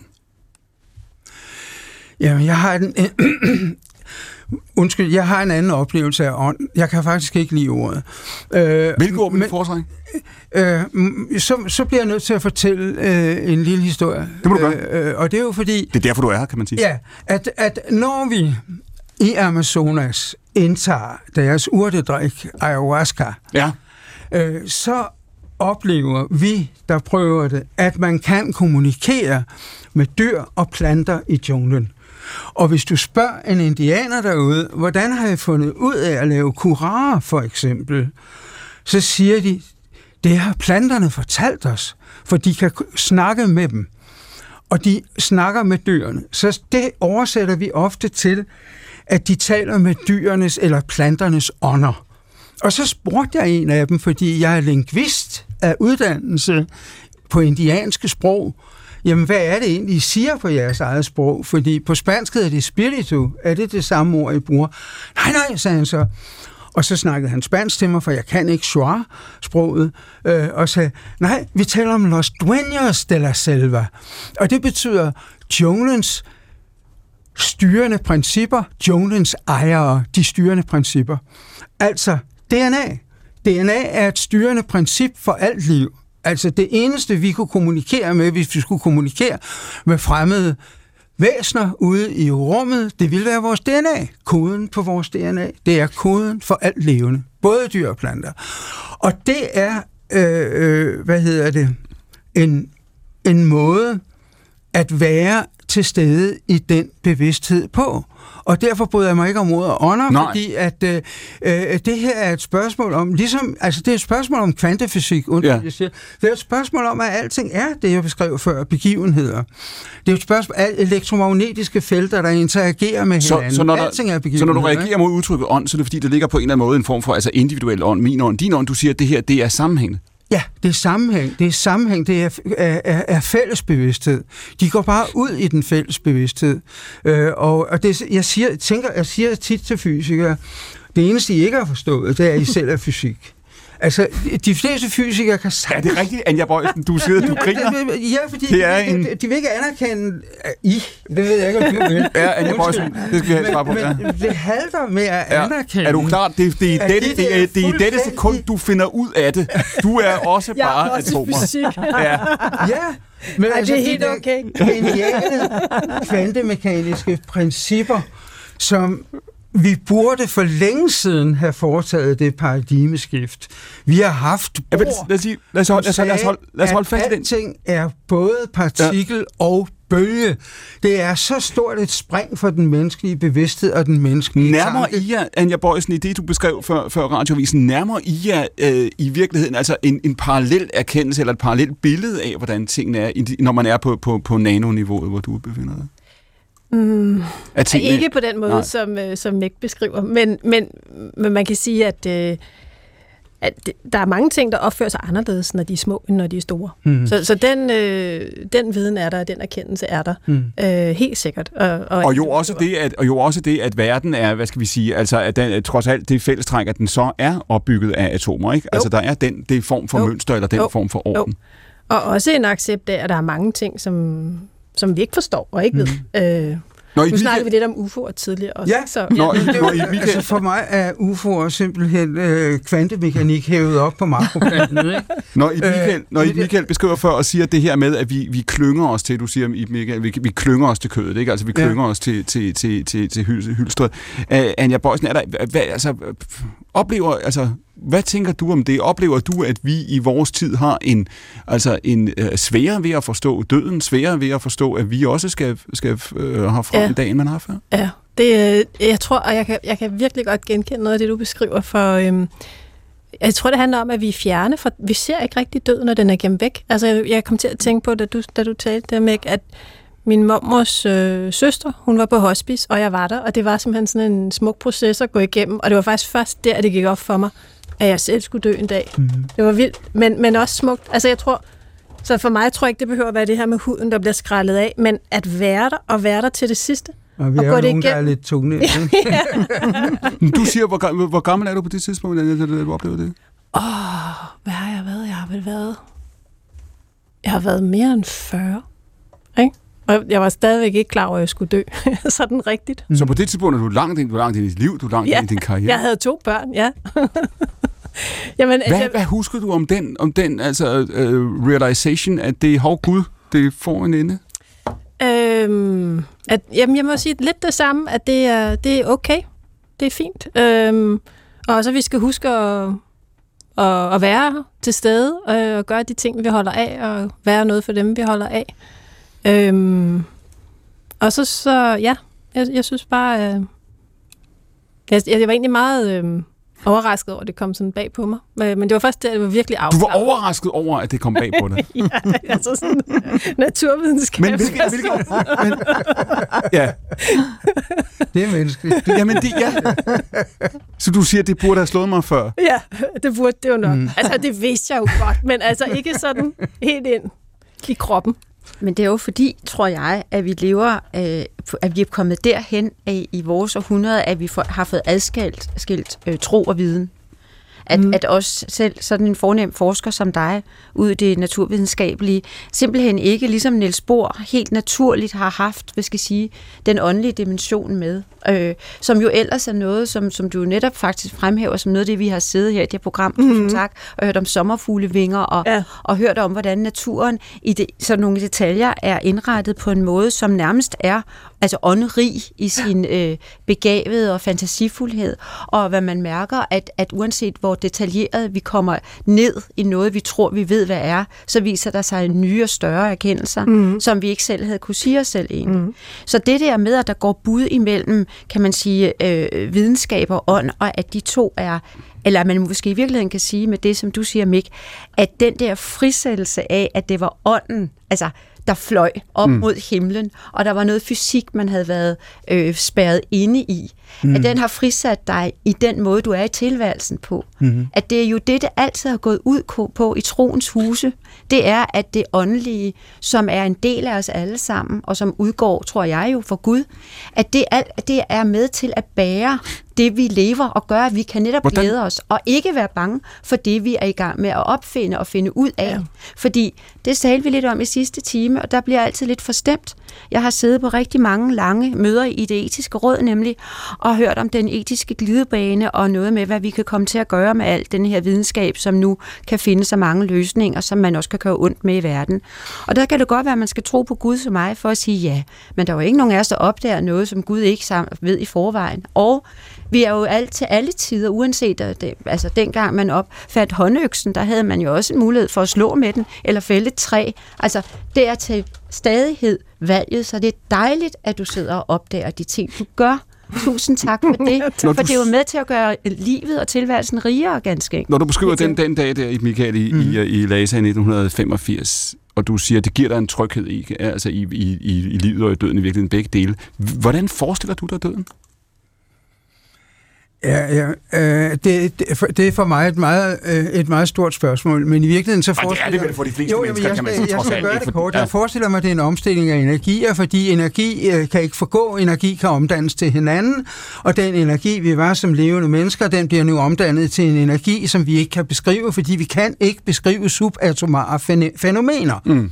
Så den energi, vi har været som mennesker, den bliver også omdannet, den forsvinder ikke. Og det, det, så må man selv om, hvor man vil hen øh, med, med, med den ligning. Er, er, det, er, det, er det en, en, hvad skal vi sige, en ting er, at det er et billede, du har, men er du, øh, frygter du døden alligevel? Kan du, kan du tage dig selv i at frygte? Nej, jeg frygter ikke døden. Jeg fatter ikke, at man snakker så meget om døden, fordi øh, der er ingen, der snakker om fødslen. Det, for mig er det fuldstændig et kæmpestort spørgsmål, der er endnu større end døden. Det er, hvor fanden kommer vi fra? Altså, ja, altså, hvorfor vender man den ikke om? Altså, for mig er der en identitet i, i, i, i det punkt i rumtiden, hvorfra vi udgiver, udgår, og det er punkt i rumtiden, hvor til vi vender tilbage. Og der, det ser jeg som en, det kan sagtens være, det er en kontinueret skabelse, ligesom så mange andre fænomener er i rumtiden. Men jeg ser det det samme.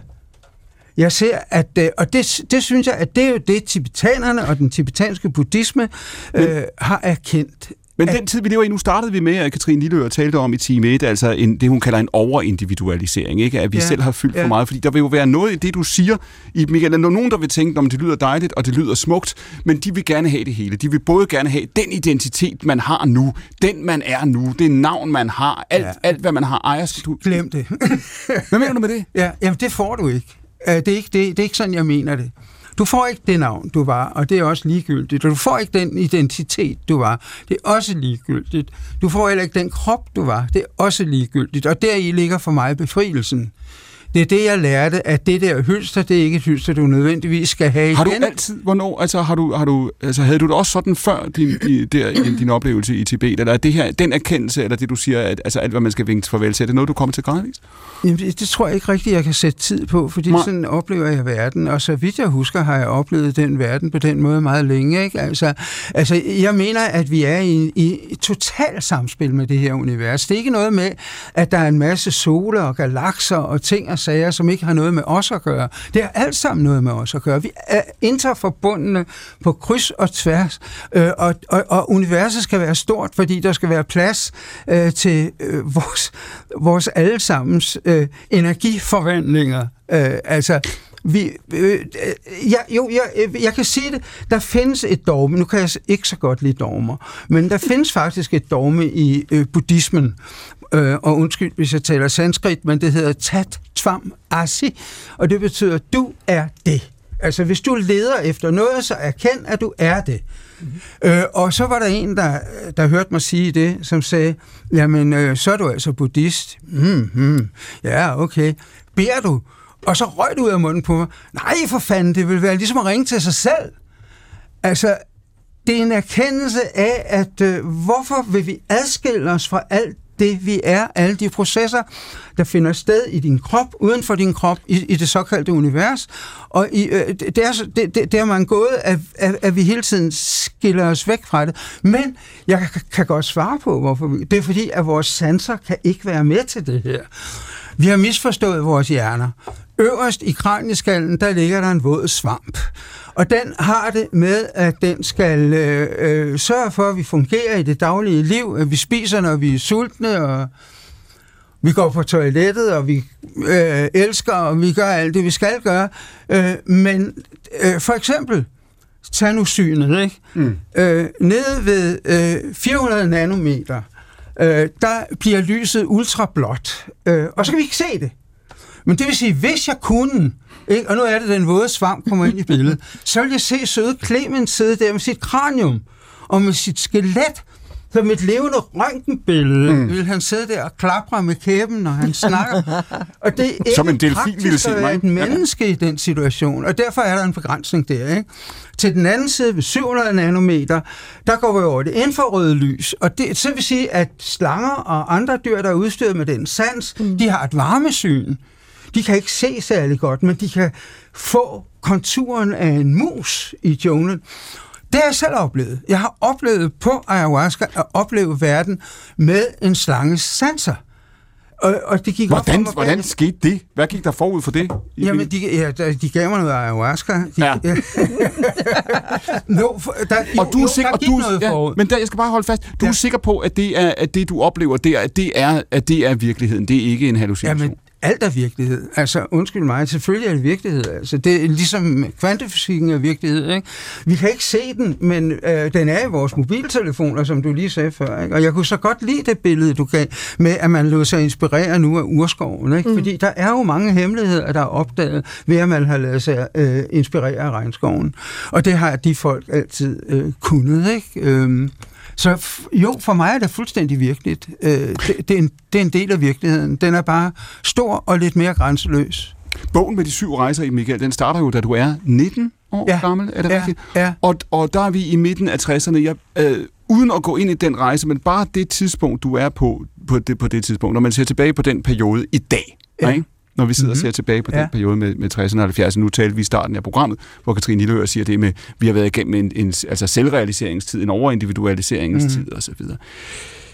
Når du tænker tilbage på verden, som du oplevede den dengang, Ser du en verden, som var, skal vi sige, øh, øh, øh, gammeldags og farveløs og undertrykkende og rigid og præget af begrænsninger, eller tænker du tilbage på en verden, som var lige så, hvad skal vi sige, stor og, og virkelig og, og menneskelig som det, vi, den, vi kender nu?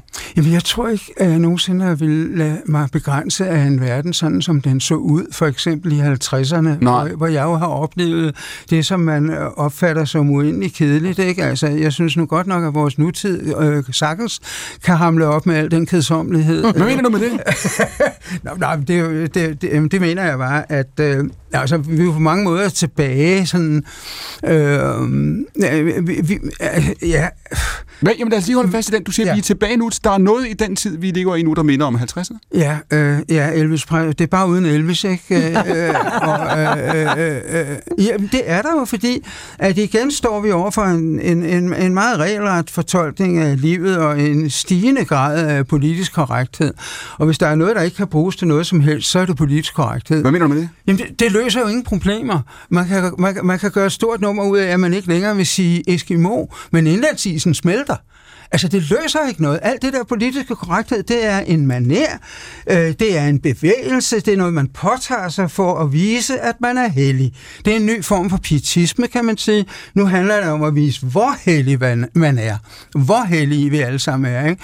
Hvis jeg havde lavet mig begrænse det dengang i 50'erne, jamen så havde jeg jo ikke siddet øh, et par år efter, jeg gik i gymnasiet og spist alt for mange LSD-trip. Altså, jeg har bare været nysgerrig ud af den der, ud af den der kapsel, men det er aldrig omgivelsernes skyld. Det er aldrig samfundets skyld. Det er altid din egen skyld. Der er kun én, der bestemmer. Det er dig, dig. Altså, og det betyder ikke mig, mig, mig, men det er dig, der bestemmer. Altså, Så du siger, du siger, altså den politiske korrekthed er den nye ti- tids øh, pietisme, altså en, en, form for, en, altså en form for religiøs doktrin. Vi vil Ja. vise, at vi er... Ja. Vi er så heldige, men det er kun noget, der foregår. Det er, det er jo Men accepterer du-. Det var derfor, det hed skinhellighed. Ikke? Men modargumentet vi er jo skinhellige, det var man også lidt i 50. Der var det med, også på en kedelig måde. Men I Michael, men så kom der rock'n'roll, Ja. og det tror jeg lige om hjørnet. Jeg tror, det kommer lige om lidt. Du tror, Elvis er på vej. Ja, Elvis er på vej. Elvis er på vej tilbage.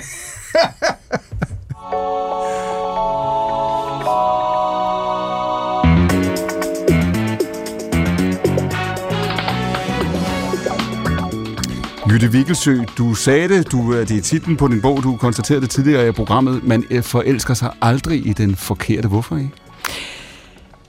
Altså, det er jo både en meget simpel og en meget, meget kompleks tanke. Hvorfor? Øh, Hvad, er det simple i den? det simple i den er, at, øh, jeg har brugt 17 år på at finde ud af det her Ja. research.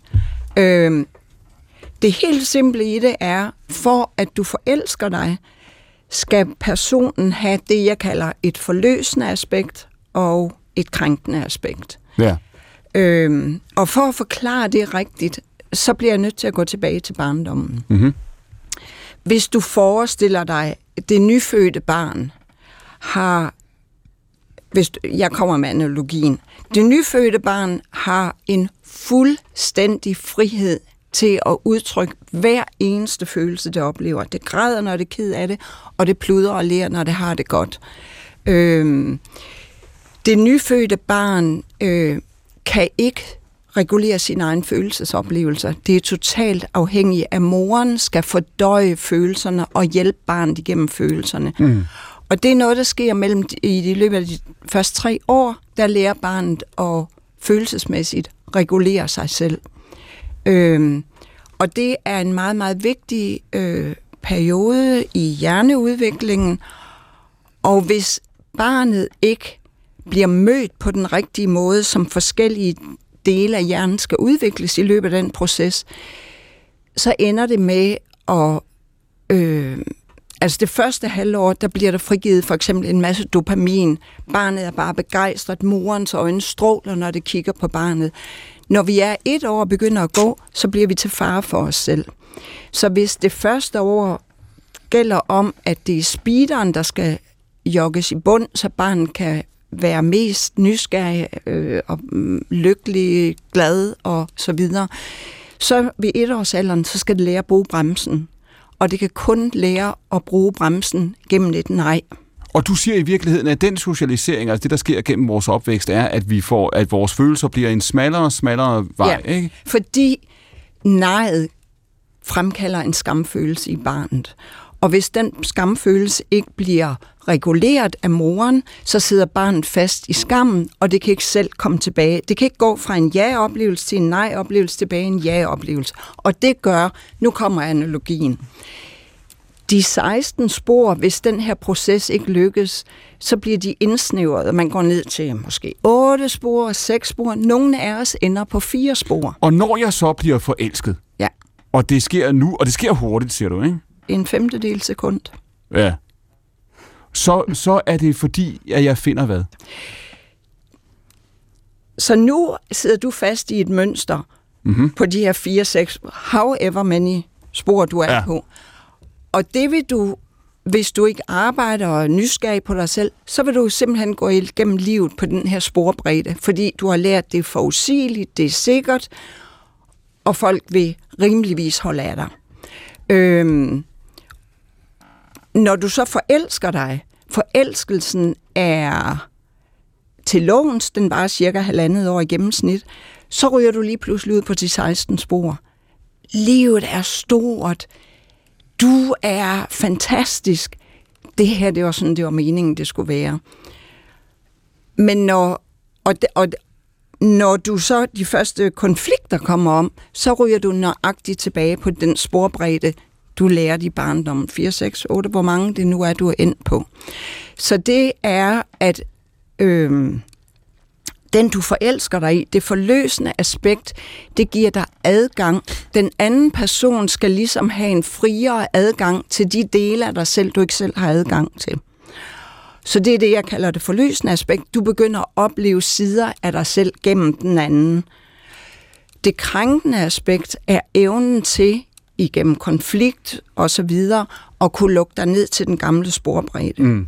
Og hvis du ikke har lært selv at følelsesregulere, så er du fuldstændig afhængig af, at den anden skal følelsesregulere Så der er en eller anden, et eller andet element af, af noget, af, noget af, af, af snyd, ikke? Altså, jeg troede, at nu ville det blive ja. sådan, og nu, nu føler jeg mig, ej, altså. Man er utrolig skuffet i konflikter, fordi den anden ikke hjælper en igennem. Man troede, nu skulle den her person endelig hjælpe en ud nu sagde, i et større, friere liv. Nu sagde Michael før, det er aldrig strukturen, det er aldrig omgivelserne, det er altid en selv, det er der rigtigt. er forhindringen. Mm. For den anden med de her to kvaliteter er jo kun en katalysator for at aktivere en indre mm. konflikt, der ligger uforløst i dig selv. Men når vi er skænderier, så er vi jo 100% sikre på, at den anden gør os ondt. Men det, de gør, det er, at de aktiverer en indre konflikt i os, vi ikke har fået forløst. Når du beskriver be, be, forelskelsen, som du gør, så siger du, det her det er et, et, et fænomen. Det kan man, altså det, det, den måde, du beskriver forelskelsen på, sådan er det. Altså det er observerbart. Ja. Øhm, hvor almindelig er så... Det er fordi, du beskriver, det du beskriver er den rigtige forelskelse, ikke? Jo, jo, det er den der passionerede, hvor... Ja. ja du er tilbage på de 16 spor. Hvor sjælden er den? Den er ikke sjælden. Der er hvor nogle mennesker... Er den, ja. Altså, er der, er den, der mennesker, der bliver forelsket en gang om ugen? Det er der. Ja. og hvis du Er begynder det en at god ting? Nej, det er Hvorfor det ikke. Øh, det er jo et meget generelt spørgsmål. Ja. Øh, Det er derfor, men, jeg er her, kan man sige. Men nogen, der meget nemt forelsker sig, har en der er en psykologisk historie der, der skal foldes ud, fordi i virkeligheden, de mennesker, vi generelt forelsker os i, det er utrolig sjældent. Vi er tiltrukket af rigtig mange mennesker seksuelt, men det er meget, meget få mennesker, vi vil tage det skridt og sige, dig vil jeg dele resten af livet med. De mennesker, øh, der meget hurtigt forelsker sig, der er som regel en psykologisk historie bagved, der giver fuldstændig mening. Kan man gøre sig selv tilgængelig for forelskelsen? Kan man vælge at sige, nu vil jeg være, nu er jeg klar til at forelske mig, nu vil jeg åbne mig for det? Øh, det kan man jo godt, men man skal bare huske på, at øh, selve forelskelsen, altså hvis, hvis det er ubevidst, det ikke er engageret, Aha. så forelsker du dig ikke. Men du kan arbejde med dig selv, øh, så du bliver mere åben og kigger på en anden måde, fordi øh, sådan som jeg beskriver det, der er det jo alle dine skuffelser, din skam og alle de uforløste ting i dig selv, der i sidste ende vælger forelskelsen. Er der... Øh, ja, nej, Anja, du markerer. Jamen, jeg, jeg tænkte på, betyder det så, hvis man har flere indre konflikter, så bliver man stærkere forelsket? Eller mere uforløst? Så? Nej, fordi du skal jo møde et total match. Mm-hmm. Du skal møde den brik, der passer ind i dit puslespil, Ja. så vedkommende både kan give dig en oplevelse af de 16 spor, men lige så nemt kan lukke dig ned, der hvor du er ufri. Katrine Lillør, vi har, jo- vi, har, jo- vi har jo dyrket, vi har jo fået en, altså en relativt ny ting i vores kultur, ikke, som er troen på, på kærligheden. Ikke? Mm. Altså troen på, at altså den, nu taler om den romantiske kærlighed, og troen på, at kærligheden overvinder alt. Ikke? Altså all you need is love. Og, og der, er intet, der er intet spørgsmål, hvor svaret ikke er, er, er, er kærlighed. Det er jo en relativt ny tanke. Ikke? Nej, altså, det, det er ikke nyt, men tidligere så var det bare Guds kærlighed, man mente. Mm. Nu, altså, at, at det er jo det, det er jo et direkte citat fra Korinther 13, at kærl- kærligheden tror alt, håber alt og udholder alt, og kærligheden hører jo aldrig op. Og der taler Paulus Du altså siger, om at Bibelen havde, har- havde ikke noget, som Korintherbrevet ikke havde. Nå, det kan man sige. I hvert fald, nej, slet ikke. De har det jo derfra. Og, det, og jeg må sige, det, det, der, at vi har skiftet øh, Gud ud med os selv, det lægger jo en fuldstændig vildt tryk på ens forestilling om alt det, man skal kunne finde hos et andet menneske. Og, der, øh, og, og, og det kan de færreste øh, jo i virkeligheden øh, leve op til, og derfor så tror jeg også, at skuffelserne i rigtig mange øh, parforhold er kolossale, og derfor bliver din bog jo vældig øh, vigtig, fordi det der med, og som Mik også siger, altså det der med ligesom at lige at komme hjem til sig selv, mm. og hvis jeg lige øh, her på et falderæb må sige, at min bedstefar holdt en bryllupstale, han var også præst, og jeg synes, det var kedeligt, da jeg var ung, men jeg forstår det godt nu. Han sagde til brudeparne, I skal være som to egetræer i skoven. I skal stå ved siden af hinanden altid, men I skal huske, at I har hver jeres stamme, og I har altså også hver jeres grene. Og det kan godt være, at de fletter sig sammen til en fælles krone hen ad vejen, men I skal også række grene ud modsat hinanden, for ellers kommer det overhovedet ikke til at give fylde. Og det er det, I begge to siger i virkeligheden.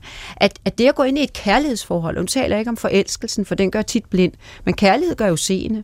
Og det, så der tror jeg, at... at der har Kærlighed vi, gør seende. Ja, fordi kærlighed skjuler en mangfoldighed af synder, som der står et sted, jeg kender godt. Altså det det med, at når man virkelig elsker et andet menneske, så ser man også alle dets fejl, men så skjuler man venligt fejlen igen kan også kalde det Men, tilgivelse. men du siger i virkeligheden, altså vi sætter i vores tid og i vores kultur, vi sætter kærligheden på, på nu taler jeg om den romantiske kærlighed her, vi sætter den på en større, en større opgave, end den kan løse. Ja, jeg tror, og jeg tror, vi tror, vi forveksler øh, forelskelse og kærlighed. Vi tror, det der Totalt. sus Mm. af, Totalt. af forelskelse og selvforglemmelse, og hvor man regner Nej. med, at den anden skal komme og, og løfte en. Vikkelsø, du siger, ja, det er rigtigt. Ja. Ja. Ja. Ja, altså øh, kærlighed og forelskelse er to vidt forskellige ting. Kærlighed, eller forelskelsen er gratis, og den forsvinder lige så hurtigt, som den kommer. Kærlighed Og er jo- halvandet år, siger du? Ja, halvandet år, men hvis du skal leve sammen 80 år, så er halvandet Åh, år jo, meget kort. Ikke? det er- Mm, Okay. Er det altid halvandet år? Nej, det er gennemsnittet. Nogle længere, nogle kortere. Så har, har du mødt par, har du arbejdet med par, som, som, som oprigtigt og på en måde, hvor du tænker, det, det er sandt, det her kan fortælle dig, at de har været forelsket i årtier? Det er fortsat. Øh, jeg tror ikke, at det er forelskelse. Jeg tror, forelskelsen er blevet afløst af kærlighed. Der er et match, der har forstået at holde øh, kærligheden ved lige.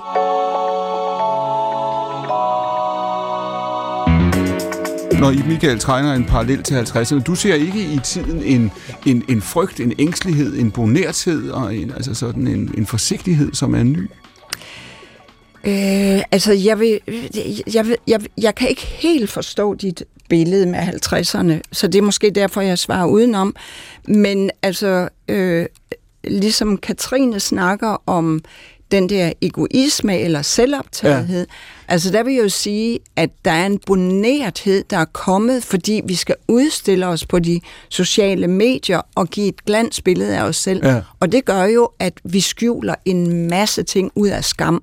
Vi tør ikke at vise, når vi fejler. Vi tør ikke at vise, når vi føler os mindre end alle andre. Vi skal hele tiden ud og vise, at vi er gode nok. Men altså, det... Anja Bøjsen, du beskrev tidligere, når du siger, I, I, øh, hvor I arbejder med jeres mm. videnskab, så siger du, tidligere havde man et billede af, at der var en forsker, der ligesom var superstjernen. Her har vi geniet. Og der er det som om, du beskriver det, at det er ved at ændre sig. Der er i hvert fald en større opmærksomhed på det, at man skal dele æren, og man skal, man skal takke hele holdet og få de andre til at shine også. Øhm, men der, samtidig er der bare også nogen, der kan trække meget og, og et helt felt.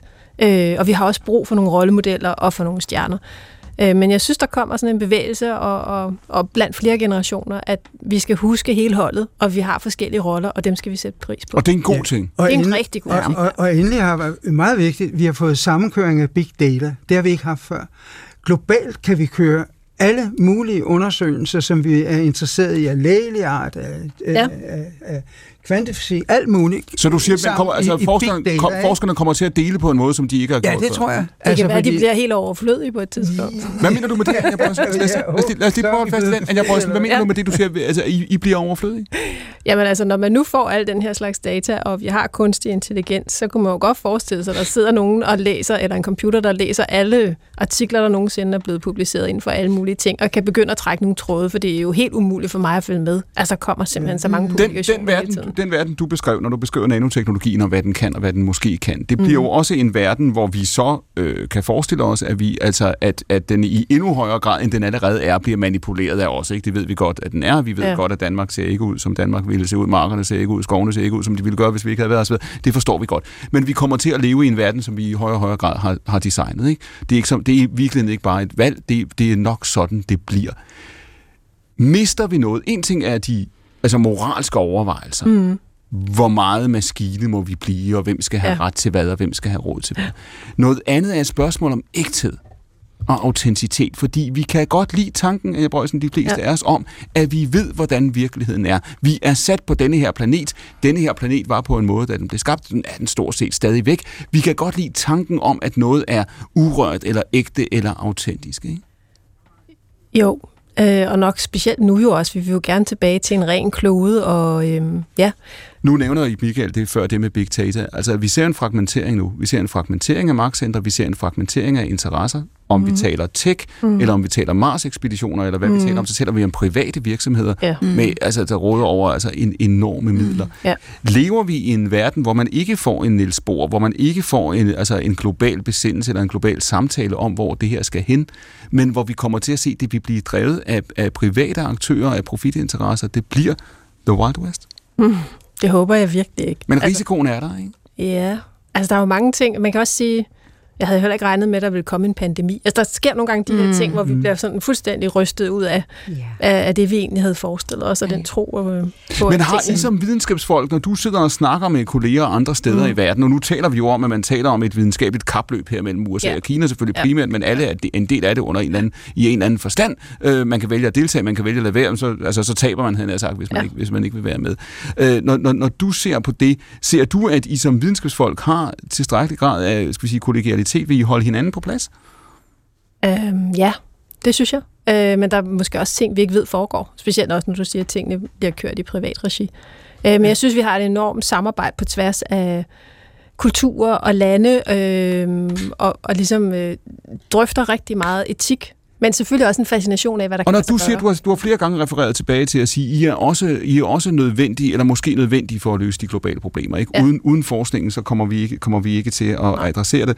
Øhm, bliver I dermed også en form for politisk kraft, eller en form for samfundskraft? Altså den tanke at sige, at vi skal gøre verden bedre, At, øh, at det risikerer I at hy hybris der? Risikerer I at komme til at optræde med en, en rolle eller en forpligtelse, der ikke er jeres? Mm. Det, jeg kan godt se, at, ja, det fornemmer jeg ikke rigtigt. Altså, jeg tror mere, at vi tilbyder nogle muligheder og nogle løsninger, øh, og bliver sådan meget løsningsorienteret, fordi jeg har da sådan med, ja, på et tidspunkt så bliver man jo træt af at se isbjørnen på den her lille øh, isflag, der bliver mindre og mindre, og den her desperation over, at vi kan ikke gøre noget, og det hele er bare forfærdeligt, og det er et sort hul. Altså den her følelse af, at vi kan faktisk godt gøre noget.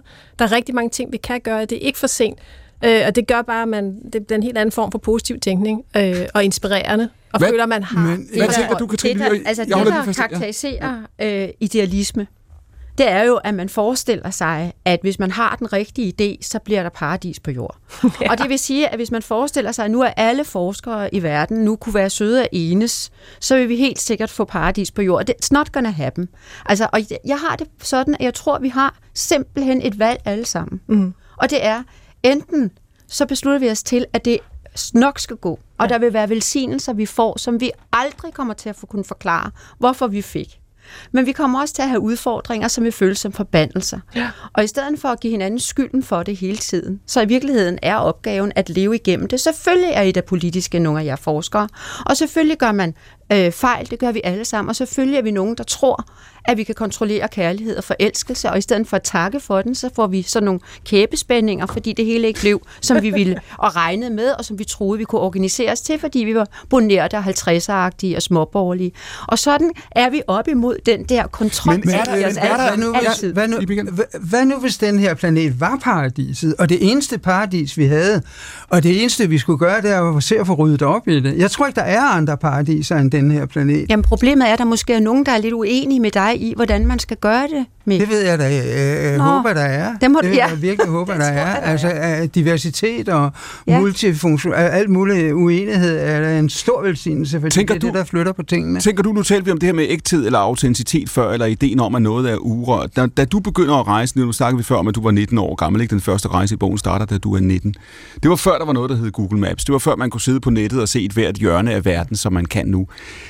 Kan du savne det? Kan du savne, at verden var svært tilgængelig, og man ikke kunne tilgå den på den måde, man kan i dag? Jeg savner ingenting, der var. Du savner ingenting, der jo, var? Elvis. Ja. Elvis, Elvis ja. Du savner Elvis, det vi har hørt det før. Ja. ja. Det er også rigtigt, men jeg savner ingenting, der var. For, for det første tror jeg også, at Elvis kommer. Rock and roll is just around the corner. Jeg tror, at Elvis kommer tilbage, men jeg savner ingenting, der var, fordi jeg er.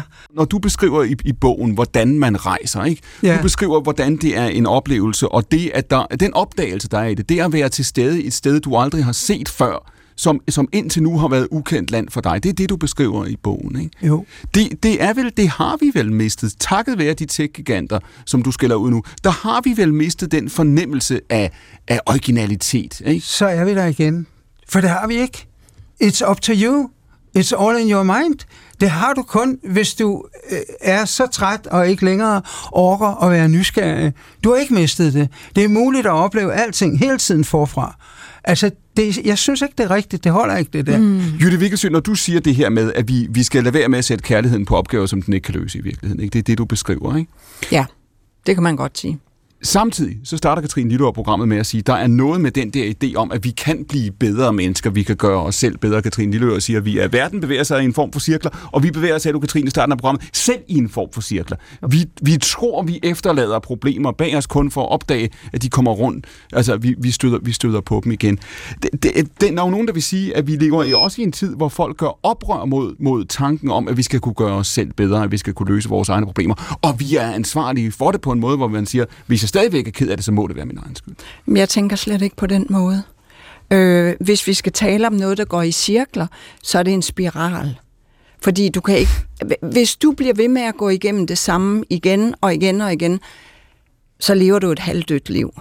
Hvis du ikke kan lære af dine erfaringer og komme videre, så det i, i værste fald er det kun en spiral. Men jeg er overbevist om, at vi har en dyb evolutionær længsel efter at udfolde alt det, der er udfor, øh, muligt at udfolde i os selv som mennesker, fordi vi har potentialer.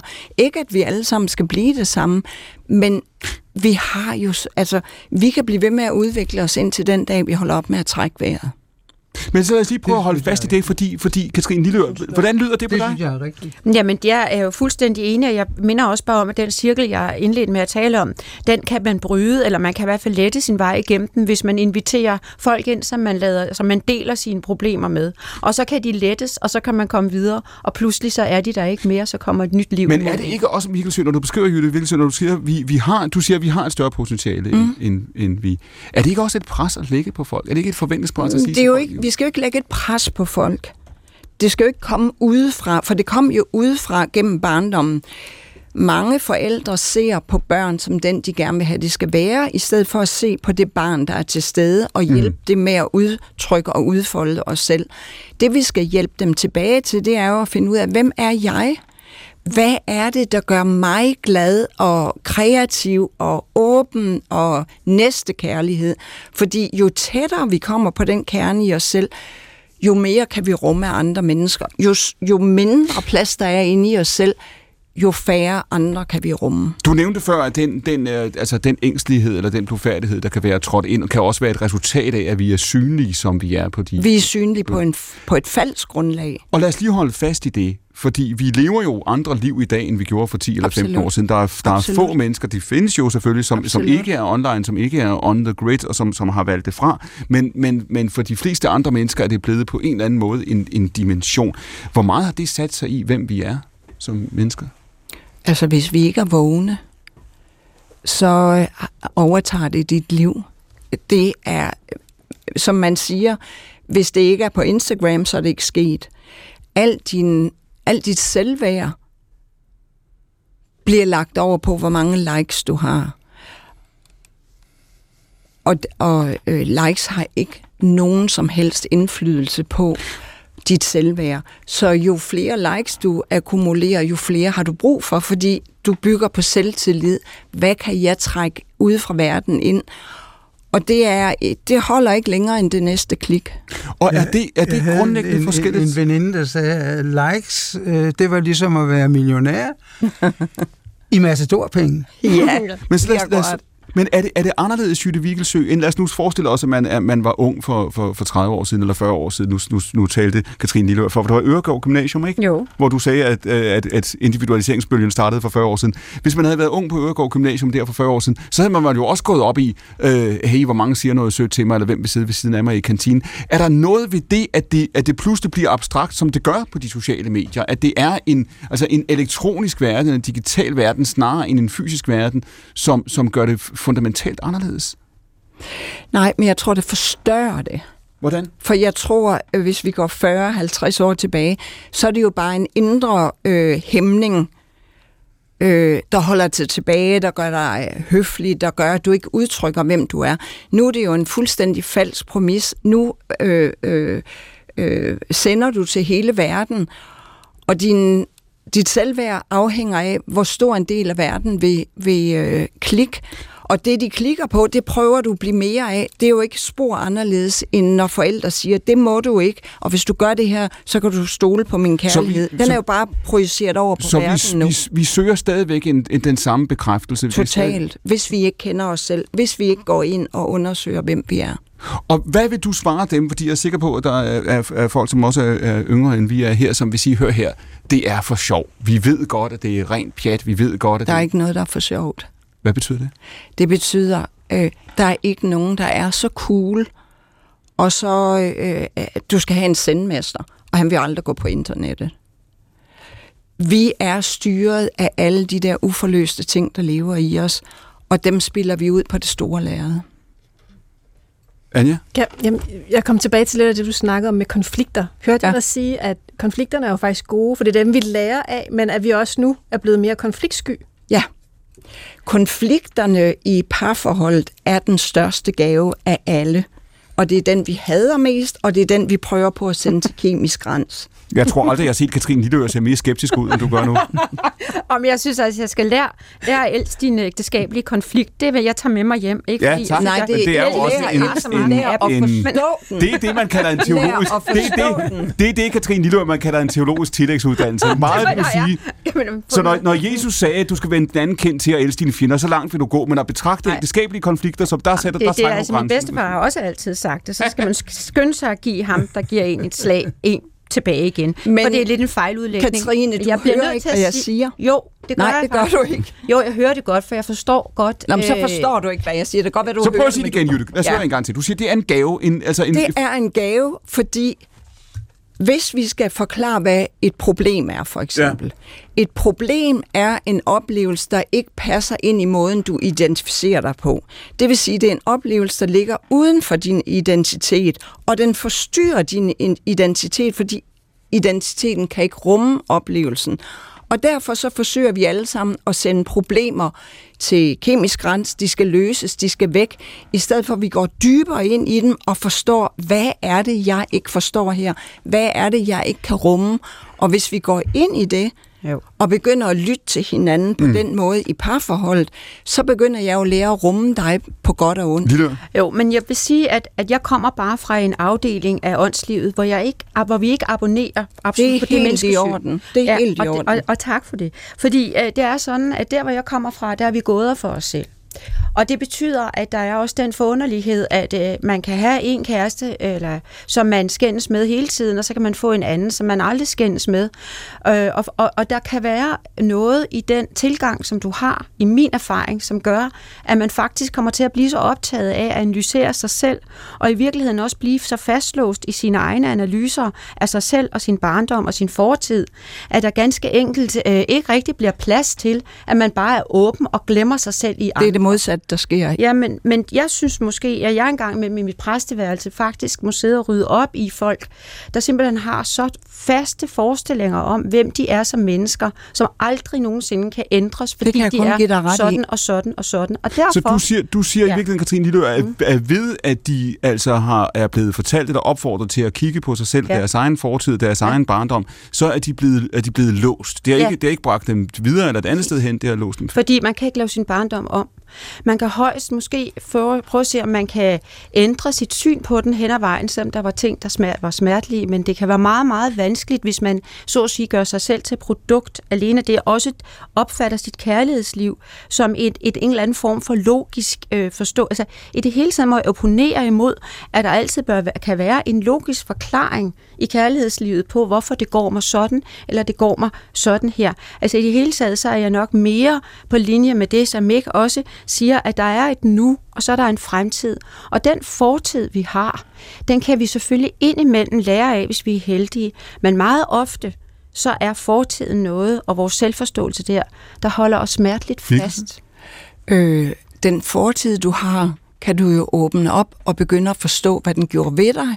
Og det, den gjorde ved dig, det kan du forløse. Smerten går ikke væk. Det, den gjorde ved dig, går ikke væk. Men du kan lære at forholde dig til den på en anden måde. Smerten, skuffelsen fra barndommen, ligger låst fast nede i, den, øh, i øh, følelseshjernen. Når du begynder at åbne op for øh, barndommen og kigger på, hvad den gjorde ved dig, det- så sætter du frontallappen i gang. Men det, Viggo Søs siger, det som, det, som Lilleør siger jo i virkeligheden er, at det bliver, det bliver lidt, nu forenkler jeg lidt, ikke? men det bliver lidt stillet op som en ligning på en eller anden måde. Det bliver lidt stillet op som en ligning eller en opgave, hvor man siger, øh, øh, det her kan vi løse eller adressere. Nej, vi kan åbne det op, vi kan sætte processen i gang, så den bliver større. Vi kan ikke lave fortiden om, men vi kan lære at leve med den ved at åbne processen Lille. op. Under tiden, så skal man også glemme og fortrænge fortiden. Det er jo i øvrigt også sådan, man arbejder i store dele af den posttraumatiske øh, stressforskning øh, og, og behandling. Uh, der findes jo oplevelser, som når man kommer tilbage til dem, så bringer det ikke en andet end tilbage til dem. Og, og, og det, altså derfor så vil jeg bare sige i, i al stilfærdighed, fordi der er jo ikke ét svar på det her. Der er jo også, altså alt efter hvem man er og hvad det er, man kæmper med, må man finde sine løsninger. Men jeg synes bare, det er vigtigt at indikere, at der findes andre veje end den, du anslår der, og den findes eksempelvis i de sjælesørgiske rum i præsteværelserne. Mikkelsen? Øhm, vi tænker forskelligt, det er det eneste, jeg kan sige.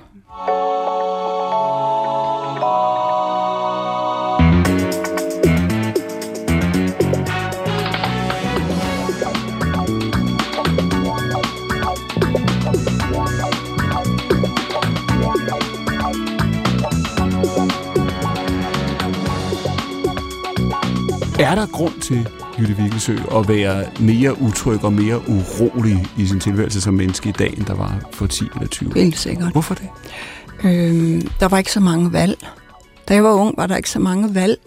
I dag har du alle mulige valg på alle mulige hylder, som du ikke kan overskue konsekvensen af. Katrine Lille, sidste spørgsmål her, vi er i det sidste minut. Kan man styre udviklingen? Kan vi som, som mennesker sige, at vi ønsker et grundlæggende uh, andet samfund, vi ønsker om, om 50 år et grundlæggende andet samfund? Er det, er, det, er det vores valg at træffe, eller vil tingene blive, som de bliver?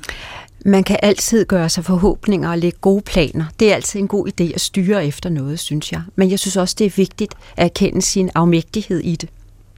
I Michael, hvad tænker du? Skal vi forsøge at kontrollere verden mere, end vi gør?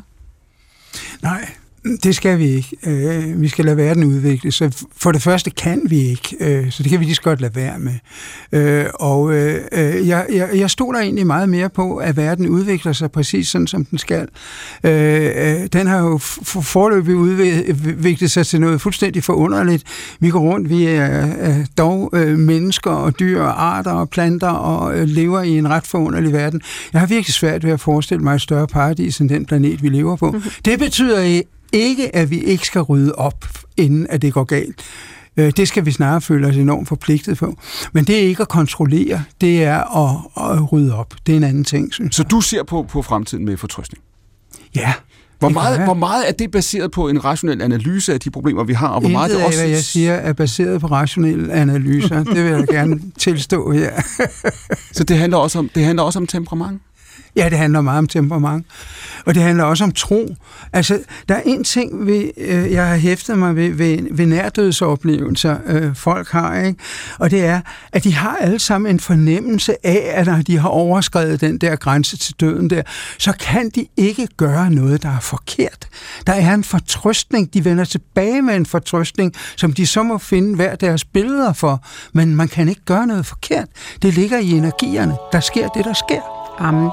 Ib Michael er forfatter. Han fik de sidste ord. Hans nye bog hedder Syv Rejser. Jytte Vikkelsø er Ph.D. i socialpsykologi. Hendes bog, den er, kan man ikke kalde ny længere, Jytte. Den hedder... Nej, det kan man ikke, men den lige udkom i 11. oplag. Derfor forelsker du dig aldrig i den forkerte, og det må man jo sige er en, en, en universel debat. Ja. Anja Bøjsen, ekspert i nanoteknologi, et felt, der vi jo altså, som kan høre, er i hastig udvikling. Katrine Lillør, sovnepræst, debattør meget andet, og var vores fjerde gæst i dag. Tak til alle fire.